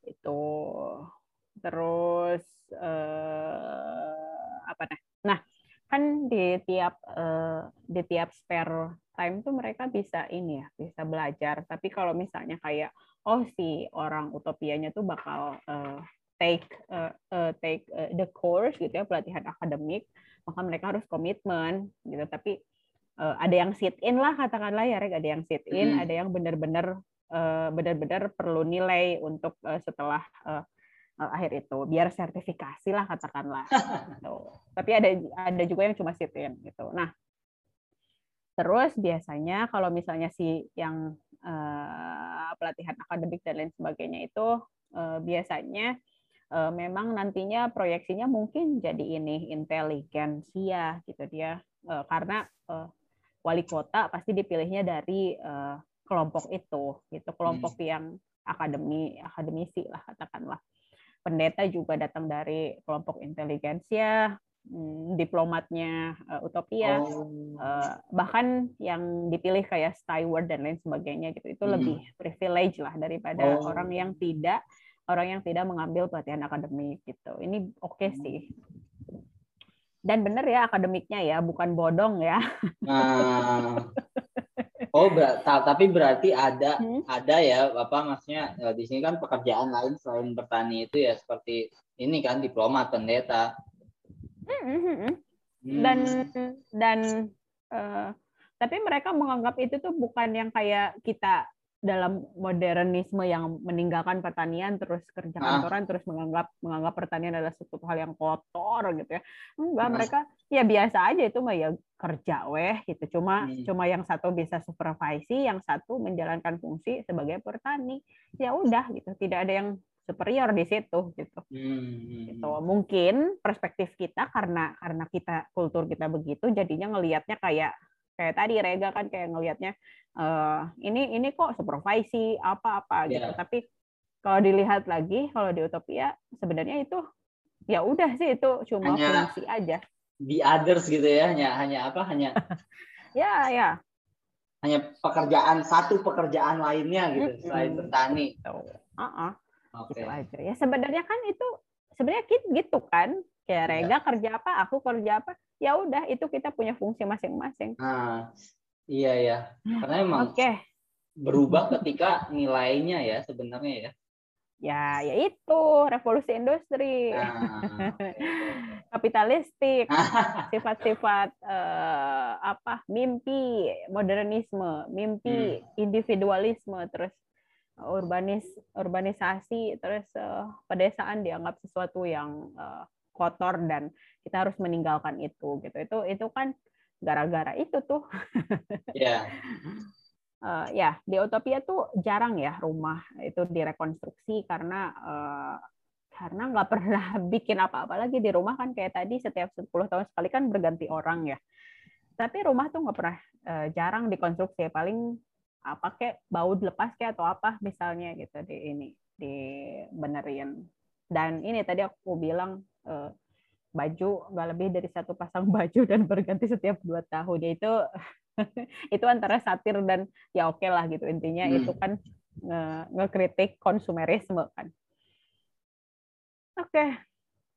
hmm, oh ya ini jadi kan tiap hari misal ada target ya eh, per orang kalau kerja bertani harus eh, sekian sekian. Tapi kalau misalnya udah selesai dan targetnya juga bukan yang kalau kita mikir target tuh overwork ya Reg, tapi enggak hmm. sih di Utopia dalam konteks itu hmm, ya intinya kalau misalnya udah selesai lebih dulu daripada jam yang di uh, plotin gitu dia boleh langsung ke belajar langsung bermusik kalau di kita kan enggak ya yeah. uh, struktur merasa rugi kalau misalnya kita kerja udah selesai misalnya jam 2 tapi kita harus nyampe jam 5 ya harus pulang jam 5 hmm ini ini ya gitulah ya. Nah, ini juga yang dianggap sebagai uh, uh, rahasia menuju hidup yang bahagia. Benar sih, pulang lebih dulu, target per hari selesai lebih dulu. gitu. Oke. Okay. Ini aturan sosial uh, biasalah ini ya. Kalau anak perempuan menikah ya ikut keluarga suami, kalau laki yang menikah maka istrinya yang diambil ke rumahnya. Ya. Dan itu diawasi sama tetua di rumah. Itu oke okay lah. Gitu. Terus uh, Nah ini yang menarik. Kalau misalnya ada kota yang ter, eh, biasanya kota harusnya 6.000 keluarga. Hmm. Kalau misalnya surplus, maka ada yang dipindahkan ke kota yang kosong. Kalau misalnya secara keseluruhan penuh ya di pulau itu, hmm. misalnya di Utopia, tapi enggak sih maka beberapa warga akan melakukan aneksasi ke daerah yang belum pernah dibudidayakan. It's cool. Oh. Uh, ya, ini jadi jadi ini ya, jadi apa namanya? Jadi solusi overpopulasi kalau misalnya yeah. ada. Hmm, terus dan nggak ada attachment ke rumah kita ya, kayak misalnya nggak uh, mau pindah ah, nggak mau pindah nah. ah, gitu. Tapi enggak ini dinormalisasi mereka bisa kalau uh, mereka bisa pergi ke daerah lain untuk uh, supaya utopia enggak surplus gitu ya nggak uh. overpopulate. Oh, gila utopis banget ya. Semakin ya. gue mendengarkan pembicaraan tentang buku ini tuh gue anjing benar-benar utopis ya emang ini. Uh, apalagi ya, dari apalagi dari kacamata kita sekarang ya Mungkin kacamata mereka, kacamata Wah. orang yang membaca di tahun 1500, ya mungkin masih nggak nggak terlalu besar gitu perbedaannya ya kan, karena baru berjalan ya, beberapa tahun. Industrialisasi. Iya industrialisasinya kan. Sedangkan kita, wih gila. Oke. Okay.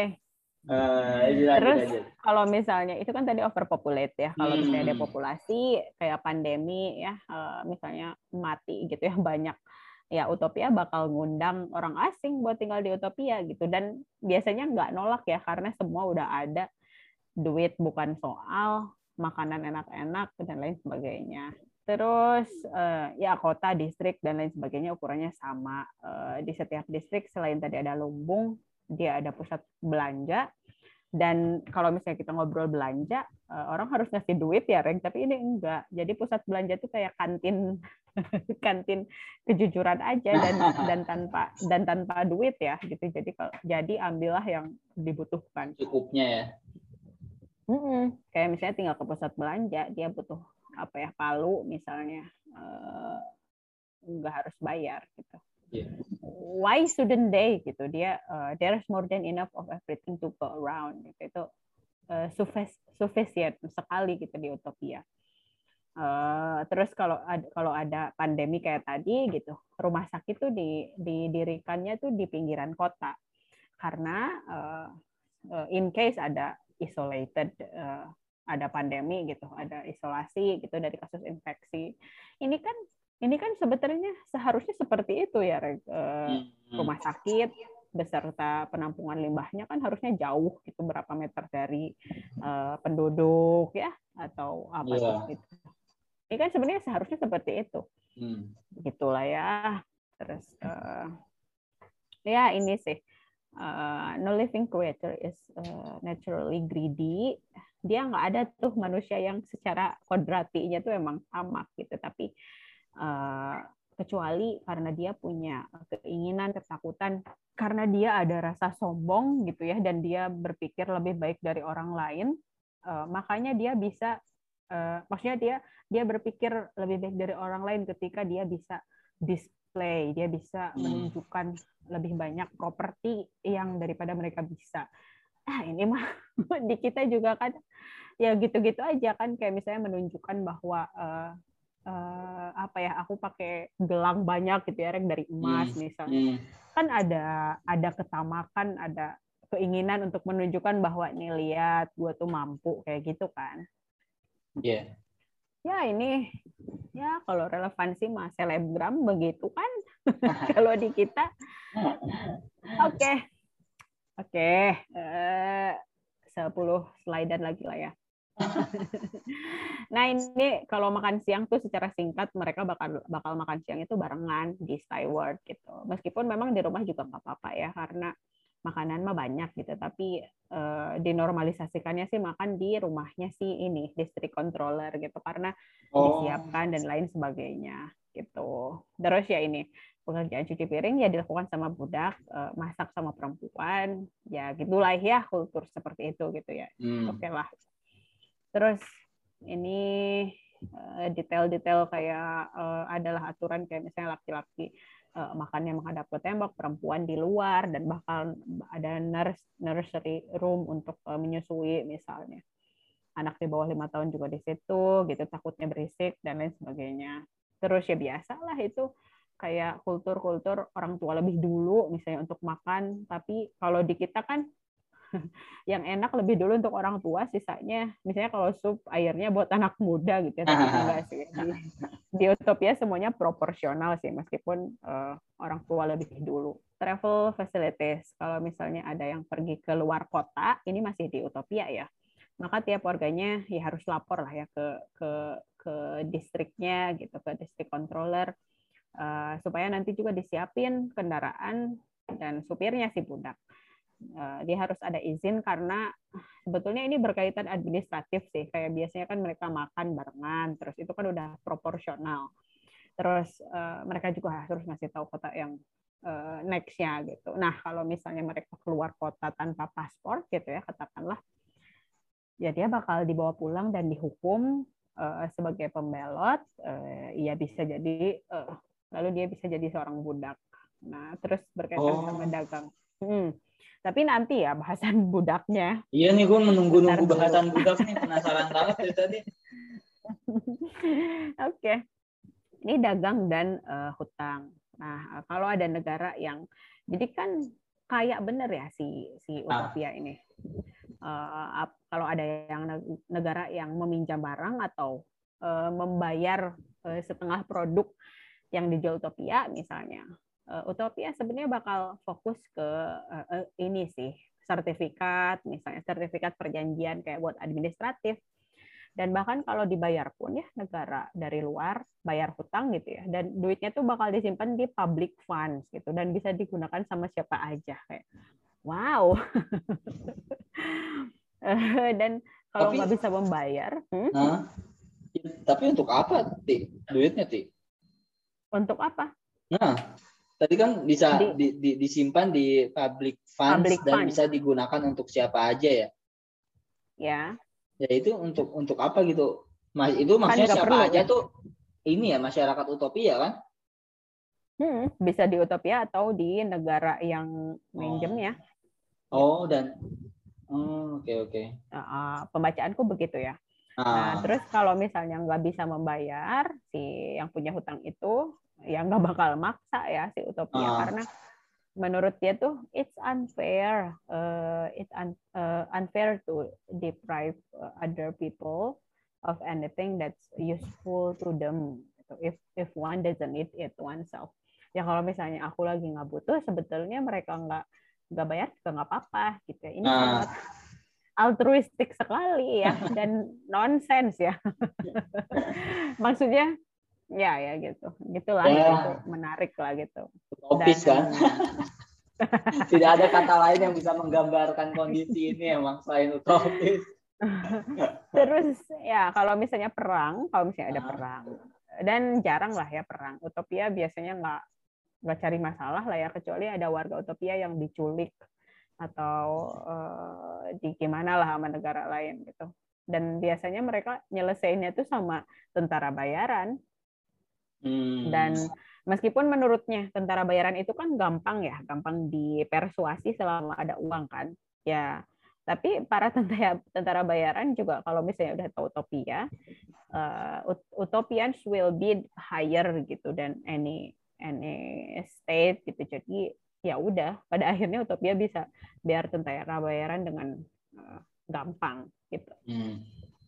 Oke lanjut ya nih gold silver uh, emas uh, perak dan besi di utopia tuh emas dan perak gak ada gunanya rega hmm.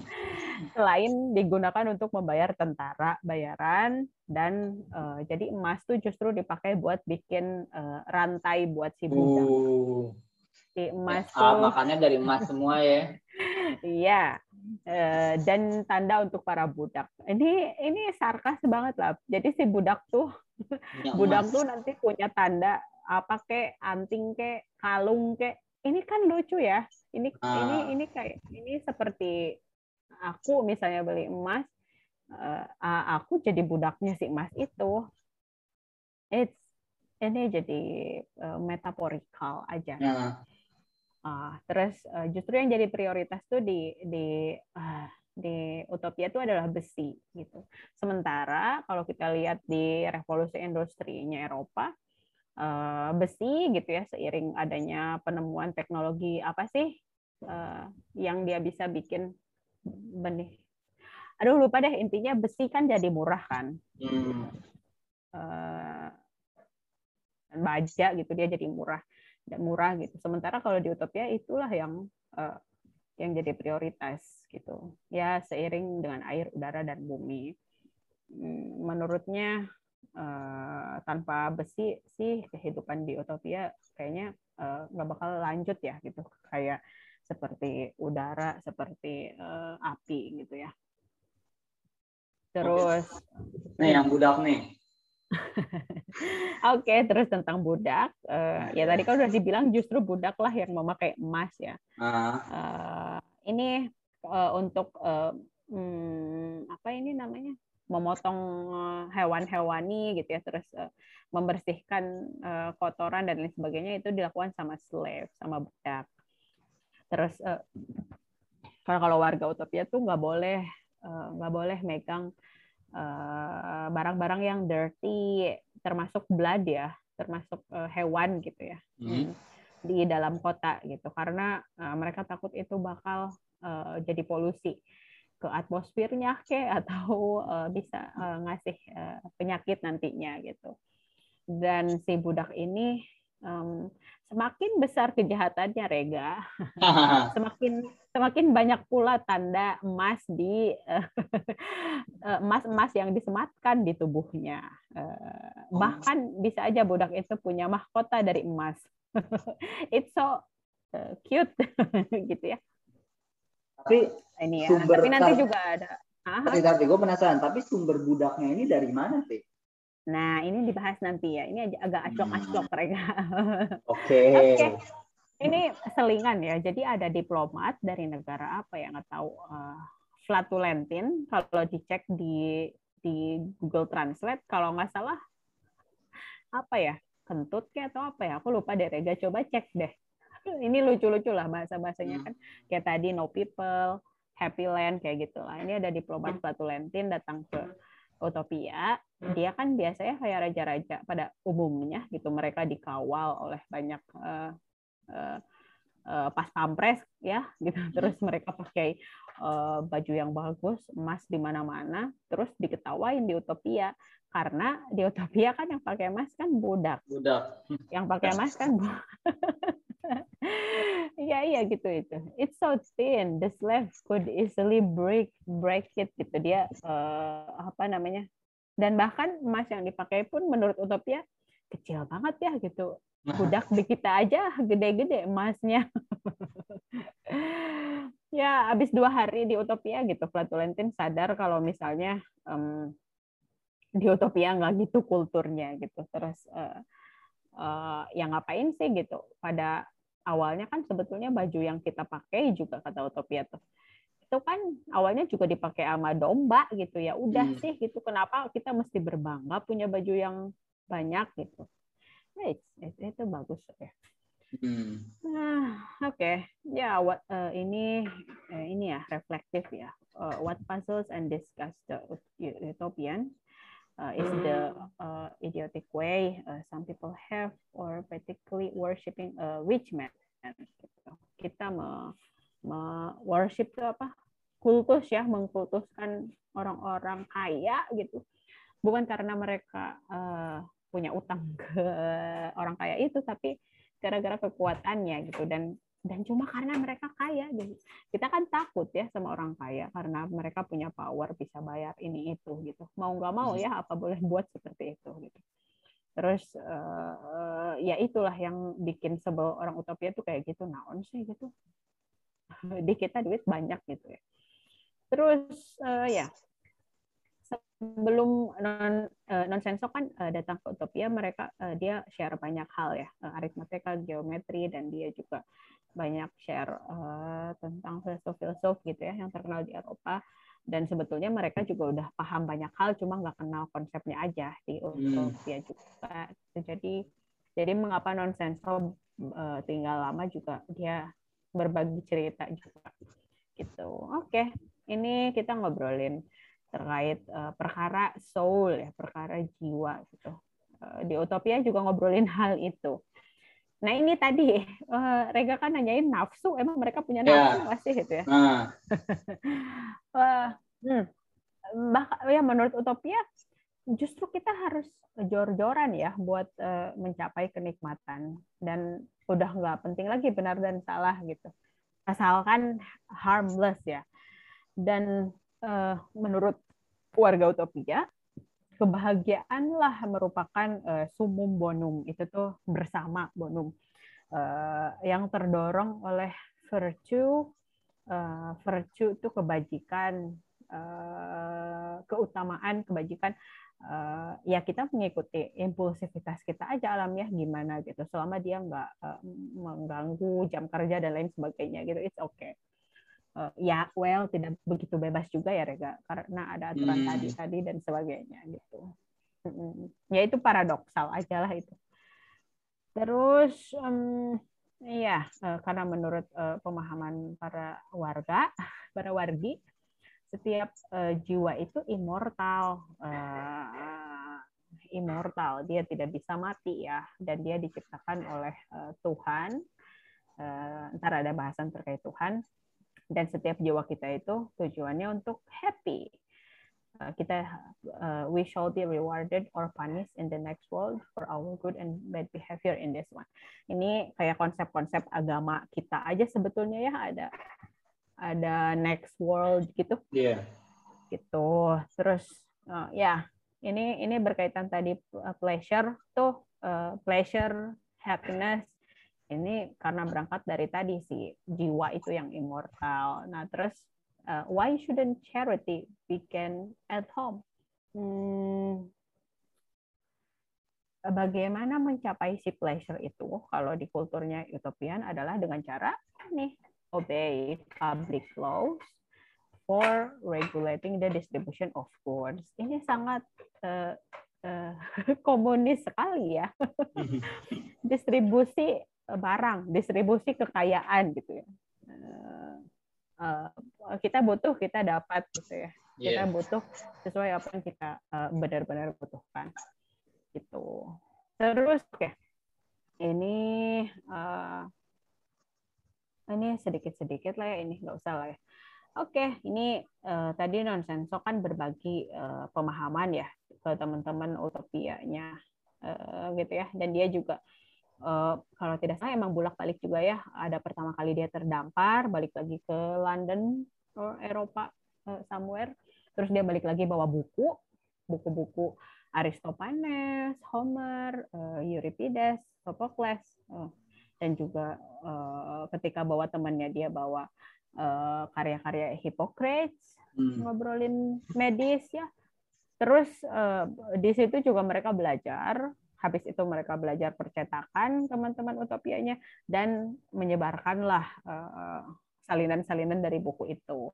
Dan menurut uh, para utopian ini, hmm, medical textbook ya, bacaan tentang medis itu uh, paling menarik ya karena dari ilmu karena dia menginvestigasi kodratinya, nature-nya manusia dalam konteks enjoyable process gitu. Tapi uh, ketika kita belajar juga itu pleasing the creator uh, pada Tuhan gitu. Jadi ketika kita belajar nggak cuma kita dapat enjoyable enjoyable proses gitu, tapi kita juga uh, uh, menjadikan creator kita tuh happy lah ya katakanlah ini mah kayak inilah eh, di kita kan juga ada ya di Islam apa eh, hmm. belajar tuh ibadah ya nah ini ini ini gue penasaran nanti ini kan berarti hmm? masuknya ini ya apa masuknya pengetahuan luar ya ke ke satu yeah. ke utopia yeah. hmm. uh, Kira-kira tanggapan dari Utopia ya selain yang medical itu ya, tanggapan dari hmm. Utopia sendiri bagaimana? Gua rasa hmm. uh, seharusnya ketika ketika satu wilayah yang terasing, hmm. yang terasing dan dan tidak menganut satu sistem uh, dunia, ketika hmm. menemukan hal baru, uh, baik itu dalam bentuk pengetahuan ataupun sistem, ya pasti mereka uh, akan berubah ya, ya sih atau gimana? Kalau di Utopia hmm. sendiri? Iya berubahnya. Terjadi perubahan enggak? Berubahnya ya berubahnya uh, selain konfirmasi apa yang mereka tahu gitu ya uh, kecerdasan ekologisnya tapi juga yang menambah sih menambah pengetahuan kayak misalnya dia kan uh, kepulauan juga ada uh, ini ya pelautnya juga ya Rega uh, hmm. gitu kayak misalnya ya bertani juga kan mereka perlu tahu kan hmm. waktu-waktu waktu-waktu siang terus uh, kapan bisa uh, kapan ia bisa ngerambet gitu ya, kapan bisa mengairi hmm. gitu ya. Di mereka tahu pengetahuan itu. Cuma uh, ya ketika ketika nonsenso datang dengan banyak literatur, itu menurutku jadi penegasan aja sebetulnya. Kayak kayak ketika uh, nonsenso ngasih tahu uh, adanya agama Kristen di Eropa gitu, yeah. yang sebetulnya yang sebetulnya nilai-nilainya udah di uh, udah dijalankan oleh utopia cuma cuma sebatas oh gitu ya cuma sebatas oh aja gitu kalau misalnya oh kalau di Eropa ini tuh agama Kristen kayak gitulah hmm. menurutku gitu ya hmm. perubahannya tapi kalau uh, greedy atau misalnya apa ada sih ya kayak misalnya ketika uh, dia ngasih tahu terkait Kristus terus ada yang hmm. jadi membabi buta kayak pengen nge-convert orang utopia jadi Kristen ya itu oh. ada dan itu di charge itu di charge sama uh, supervisornya uh, bukan blasphemy bukan uh, penodaan agama enggak tapi uh, ini ya mengganggu ketertiban umum kayak gitulah gitu oke okay.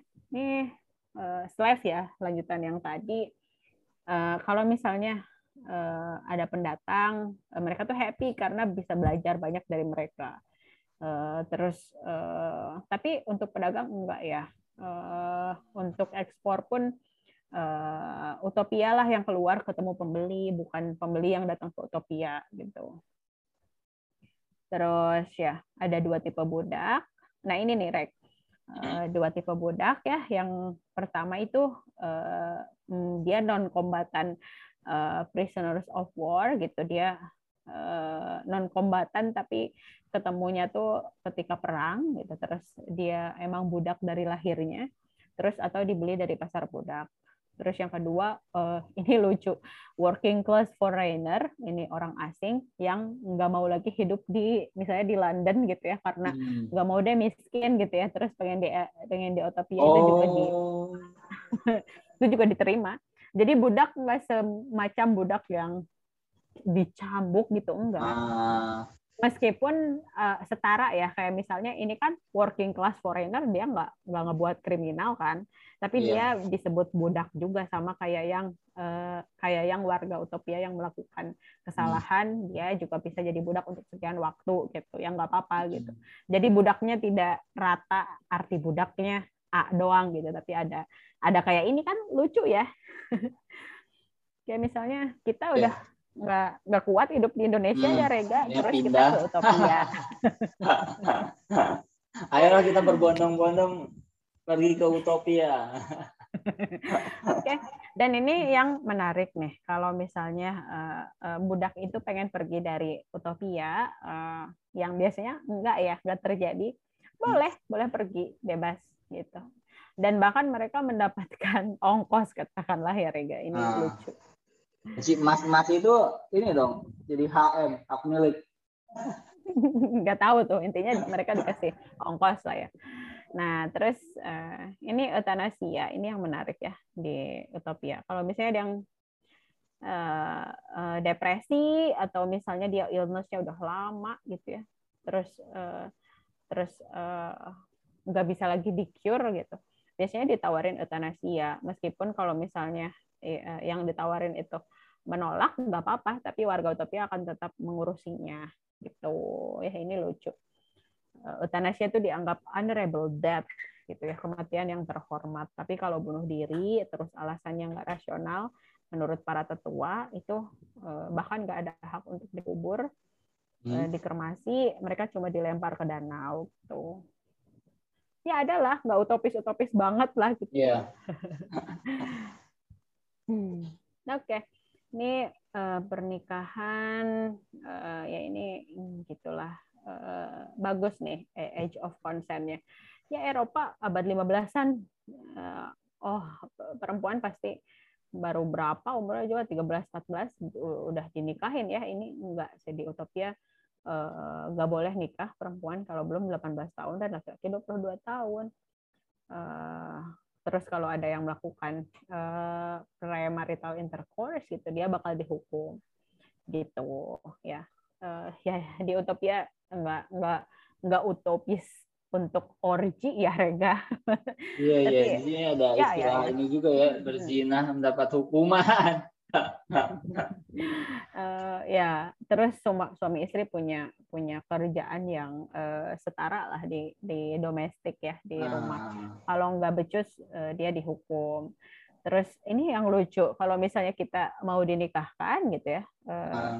ada kultur calon pengantinnya saling telanjang di depan masing-masing gitu karena menurut mereka ya ini agak ada eh, kritik lah ya kayak misalnya Mor tuh eh, ngebandinginnya sama kuda kalau misalnya kita beli kuda kita kan ngelihat dulu ya bodinya gimana spek hmm. speknya gimana gitu dia ngebandingin bahwa eh, meskipun ada kritik di situ ya eh, kayak misalnya eh, bagaimana bisa kita mengetahui pasangan kita kalau misalnya belum tahu eh, badinya let's say gitu. Tapi hmm. sebenarnya aku nggak ngerelevansinya ke ini sih bahasan-bahasan aruf lah ya.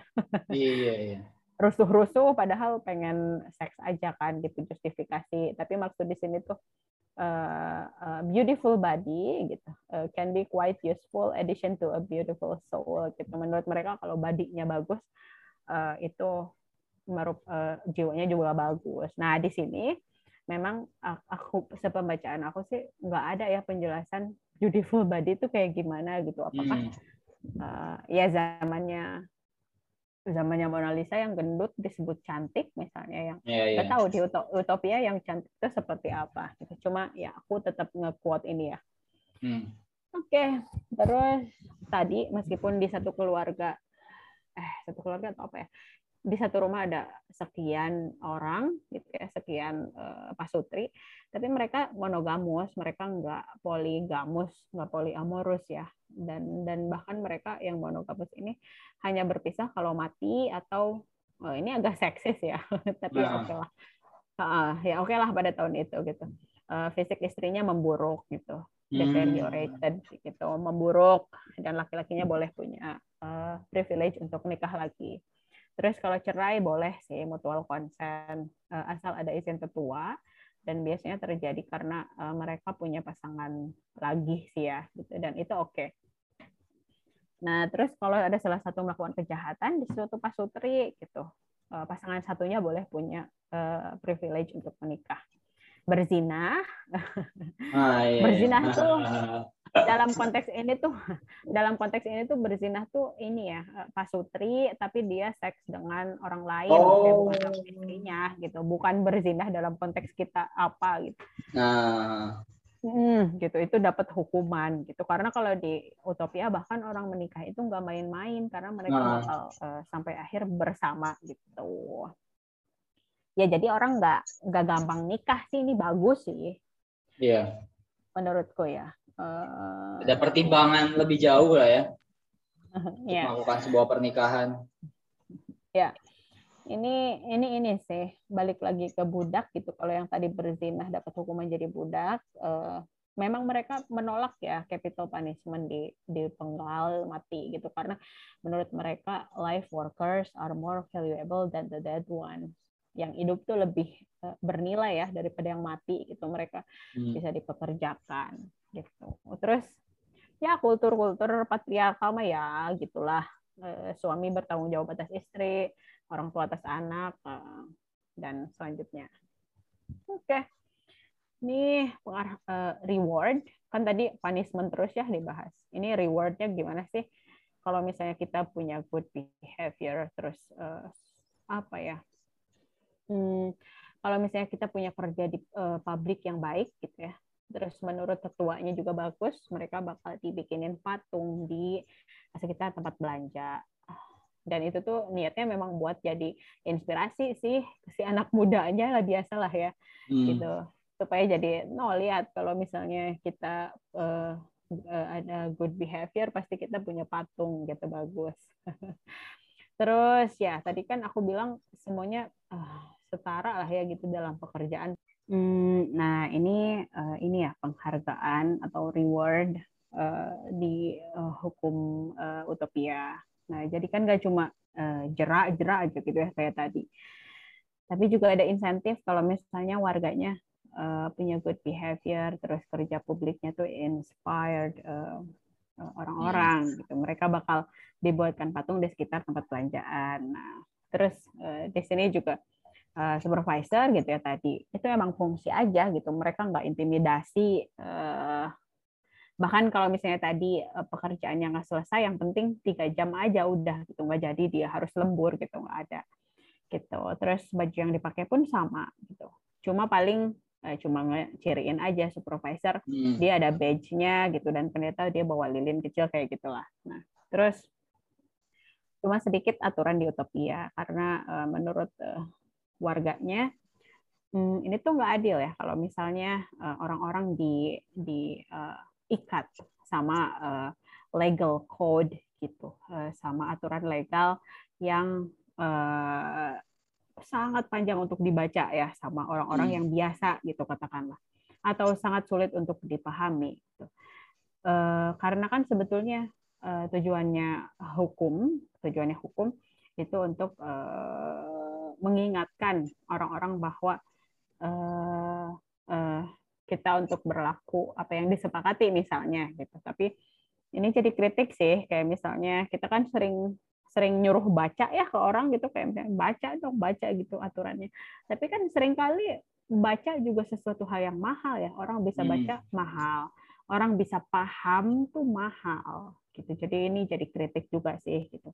Makanya cuma dikit lah aturan di utopia terus warga utopia nggak bisa disuap tadi juga udah diceritain eh, karena setiap hal udah ada ya sufisien eh, dan menurut mereka tuh personal prejudice dan uh, ketamakan itu dua hal yang paling buruk gitu yang yang bakal mengancam kodratiknya sebuah hukum aturan gitu. Gitu. Nah terus hmm. bahkan kalau misalnya ada kerja sama-sama negara lain utopia juga dia uh, jarak nggak pernah nih nggak pernah bikin perjanjian. Karena buat apa gitu. Bahkan ada perjanjian misalnya uh, hutang aja kayak tadi kan pada akhirnya kalau nggak bisa bayar utopia bakal membebaskan gitu ya katakanlah. Itu menurutnya sih eh, manusia itu udah udah kodratnya uh, bonded ya. Dia alive uh, dia nggak uh, bisa hidup tanpa orang lain gitu. Ya udah gitu. Sebetulnya nggak usah ada treaty treaty gitu. Gue penasaran okay. sih hmm. tadi kan pas di awal-awal tuh di ini ya disinggung soal kayak si mm -hmm. Mor bilang e, terus kenapa lu nggak kasih ini apa kasih uh, siapa tadi itu si non senso non senso katanya. Terus kenapa lu nggak kerja ke mengabdi ke raja gitu. Nah berarti ya. pekerjaan-pekerjaan yang mengab, yang yang bentuknya ab, mengabdi ke raja itu pekerjaan apa sih ada nggak sih di Utopia mengabdi ke raja kan di Utopia nggak ada raja semacam itu ya tapi Oh. Paling cuma yang ditugaskan kan, yang ditugaskan kayak tadi oh. cuma cuma membantu jalan nah. pekerjaan dan lain sebagainya gitu. Bukan oh. untuk menumpuk kekayaan. Oh, Oke, okay, lanjut ya. Hmm, ya lanjut lanjut lanjut. Hmm. Terus ini dalam konteks perang. Uh, laki sama perempuan ada akses ya buat ikut pelatihan militer, tapi uh, uh, sebenarnya jarang ikut perang juga ya selain self defense. Uh, terus uh, Utopia masih dukungan militer buat friendly powers-nya dia, allies-nya dia gitu. Asal perangnya memang jelas terjadi karena situasi yang tidak adil gitu.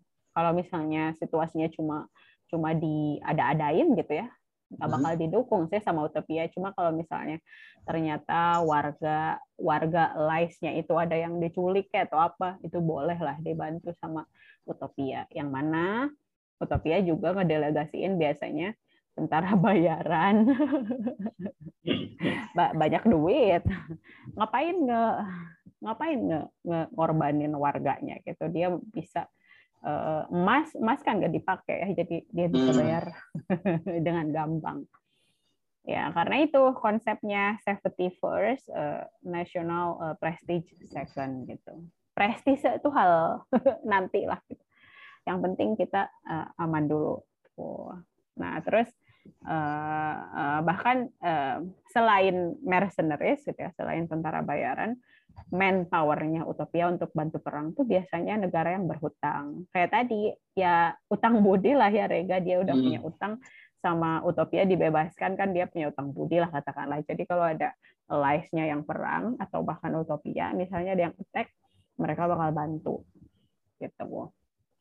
Terus uh, perempuan kan boleh ya ada akses pelatihan militer. Dia juga hmm. boleh ikut perang sih eh tapi disarankan nggak usah karena menurutnya bakal uh, humiliate humiliation sih bakal uh, jadi uh, sesuatu hal yang um, aneh ya ketika suami istri ikut perang tapi uh, suami pulang tanpa istri atau istri pulang tanpa suami jadi aneh gitu kita nggak mau ninggalin anak tanpa tanpa parents gitu kayak gitulah gitu. jadi seolah-olah intinya perempuan boleh pelatihan militer tapi uh, nggak bisa ikut perang gitu tapi hmm. ya tahun itulah oke okay lah gitu. Gitu. Terus kalau perang juga utopia hmm, lebih baik menangkap daripada membunuh. Ini ini mah uh, apa namanya tradisi yang selalu dipakai iya. ya. Dia nggak bakal kalau nggak nggak usah ngebunuh ngapain? Gitu. nah ini religion uh, dan uh, kematian. Selain tadi urusan eutanasia ya. Terus uh, kepercayaan agama di utopia kayak sun worshipper moon worshipper terus planet-planet gitu memang mereka juga menganggap ada kekuatan tunggal ada yang eternal ada yang infinite ada yang uh, dia bukan substantif fisik substansi fisik. Dia disebut mereka, uh, mereka sebutnya the parent. Memang him ya gendernya.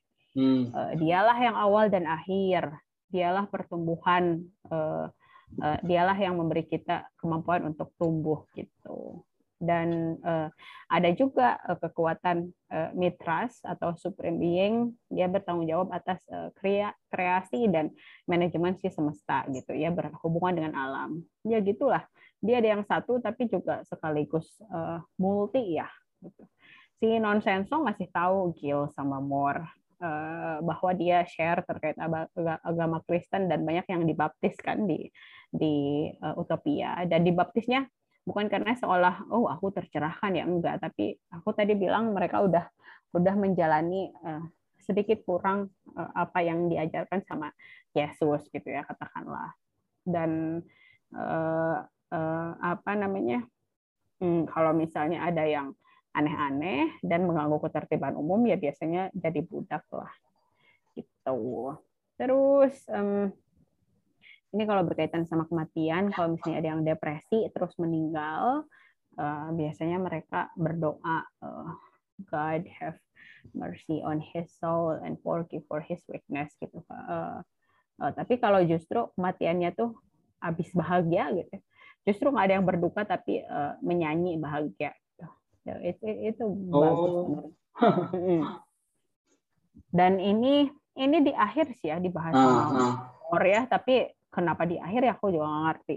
Uh, ada sekte yang percaya dengan selibat gitu ya di di di kayak ada selibat. dua tipe lah ya dua tipe yang di utopia selibat tuh dia nggak nggak seks nggak nikah oh dia bebas dari maka uh, terma uh, bukan termasuk uh, sekte itu tuh juga dia mungkin vegetarian kali ya dan dan dia juga tidak melakukan seks gitu menurut mereka itu uh, uh, pemahaman mereka sih itu adalah uh, uh, pleasures yang uh, penuh dengan dosa gitu. dan ada juga sekte yang membolehkan pernikahan uh, prokreasi karena justru justru seharusnya tidak ada halangan untuk mendapat pleasure itu gitu selama tidak uh, mengganggu pekerjaan gitu tapi meskipun ada sekte itu ya hmm. biasa aja sih tidak, ya biasa tidak aja sampai sih. terjadi ini ya hmm. apa kecuali kalau Ya, kecuali sekte. kalau kecuali kalau ada yang kayak tadi yang agama kan dia uh, dia jadinya mengganggu ketertiban umum paling jadi budak gitu. Itu ya begitulah itu akhirnya kalau reflektif sama kritik sih kan tadi seiring slide juga udah ya sebetulnya ah. dan di akhir bukunya juga si Thomas More sama uh, non sensor tuh ngasih closing statement lah katakanlah ya gitu kayak ya kalau non sensor sih udah jelas ya dia nge, ngeagung-agungkan utopia gitu ya terus uh, uh, terus Thomas More juga di akhirnya bilang kalau misalnya uh, kayaknya komunisme komunisme tuh kayak nggak mungkin deh ya di Eropa katanya. Hmm. Pada dia bilang gitu gitu. Si uh, Thomas More yang ada di sini ya di buku yeah. ya. Hmm, karakter gitu. Ya kalau si uh, non sensor sih bilangnya ini harus di di diaplikasikan di reformasi Eropa, tapi menurut uh, More pada akhirnya uh, ya menarik tapi kayaknya nggak mungkin ya apalagi berdasarkan uh, komunisme dan mm, minus uang gitu kan ada juga yang negara komunisme tapi kapitalistik ya, gitu ya kapitalistik gitu jadi uh, gitu gitu. Jadi uh, ya mungkin kita bisa ketemu lagi lah gitu sama si More kita ngobrol banyak hal lagi kali ya gitu. terus uh, in the meantime gitu ya kata si More ini paragraf terakhirnya bukunya. In the meantime I cannot agree with everything that he said uh, for all his undoubted learning and experience uh, but I freely admit that there are many features on the Utopian Republic which I should like so I hardly expect to see adopted in Europe. Gitu. Jadi hmm. ada beberapa hal yang uh, tadi diceritakan di Utopia yang aku suka gitu ya. Hmm. Kultur-kulturnya kayak atau apa gitu. Tapi menurutku sih ini kayaknya sulit ya untuk melihat diadopsi di Eropa. Itulah penutupnya. Begitu, Bun. Finally. Udah berjilid-jilid. Pembahasan tentang utopia ini selesai. Ini menarik sih. Uh, gua mendengarkan cerita lu ya tentang buku ini. Begitu banyak hmm. ini ya apa uh, hal yang baru. utopis. Iya, tapi banyak mungkin karena karena gue melihatnya dari kacamata sekarang ya jadi gue melihat melihat hal utopis itu ya uh, hal yang makin jauh gitu dari dari makin jauh di jangkauan gue gitu ya nggak sih dibandingkan sama uh, mungkin pada pada era itu mungkin tidak terlalu jauh gitu tapi untuk saat ini ya itu sangat sangat jauh dan banyak hal-hal baru yang yang yang yang yang yang menurut gue baru gue temukan gitu karena emang terlalu jauh itu ya 500 tahun loh jaraknya. Mm-hmm. Nah, mungkin itu menjadi salah satu alasan ya kenapa kita harus baca buku ini ya. ya, ya silahkan. Tapi kalau misalnya Rega bilang ini terlalu jauh, kalau menurutku mm-hmm. sih ini masih deket ya. Ini masih deket. Uh, dan uh, kalau ngobrolin perubahan sih dari dari zamannya uh, uh, maksudnya utopia-utopia yang kayak gitu ya gitu dari Plato juga itu itu juga banyak lebih utopis gitu ya hmm. jadi hmm, belum lama lah 500 tahun oke Oke, ini pertanyaan terakhir nih dari gua. Uh, biasa kan ini di Mari Pada Baca kita selalu menyediakan dua pertanyaan ini untuk setiap pembahas. Dan uh, pertanyaannya tuh ini, kasih rating dari 0 sampai 10 untuk buku ini dan alasan kenapa gue harus baca buku ini. Monggo, monggo. Wah.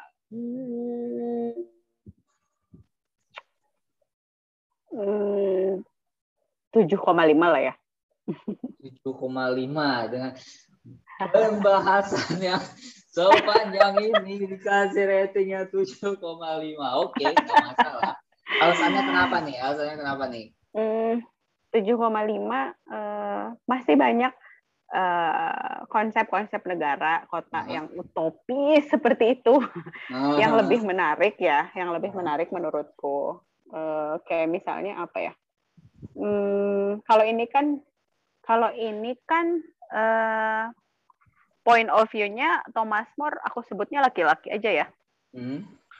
Uh, tapi uh, ada yang lebih buhun gitu maksudnya hmm. buhunnya tuh yang nggak sampai Plato sih uh, ini uh, Christine Depizan hmm. dia ya dia privilege ya dia uh, ini 100 tahun mundur lah ya sekitar abad 13-an akhir sampai 14-an awal gitu dia bikin hmm, ada buku uh, namanya The Book of uh, The City of Ladies gitu. Huh? Itu ya, City of Ladies.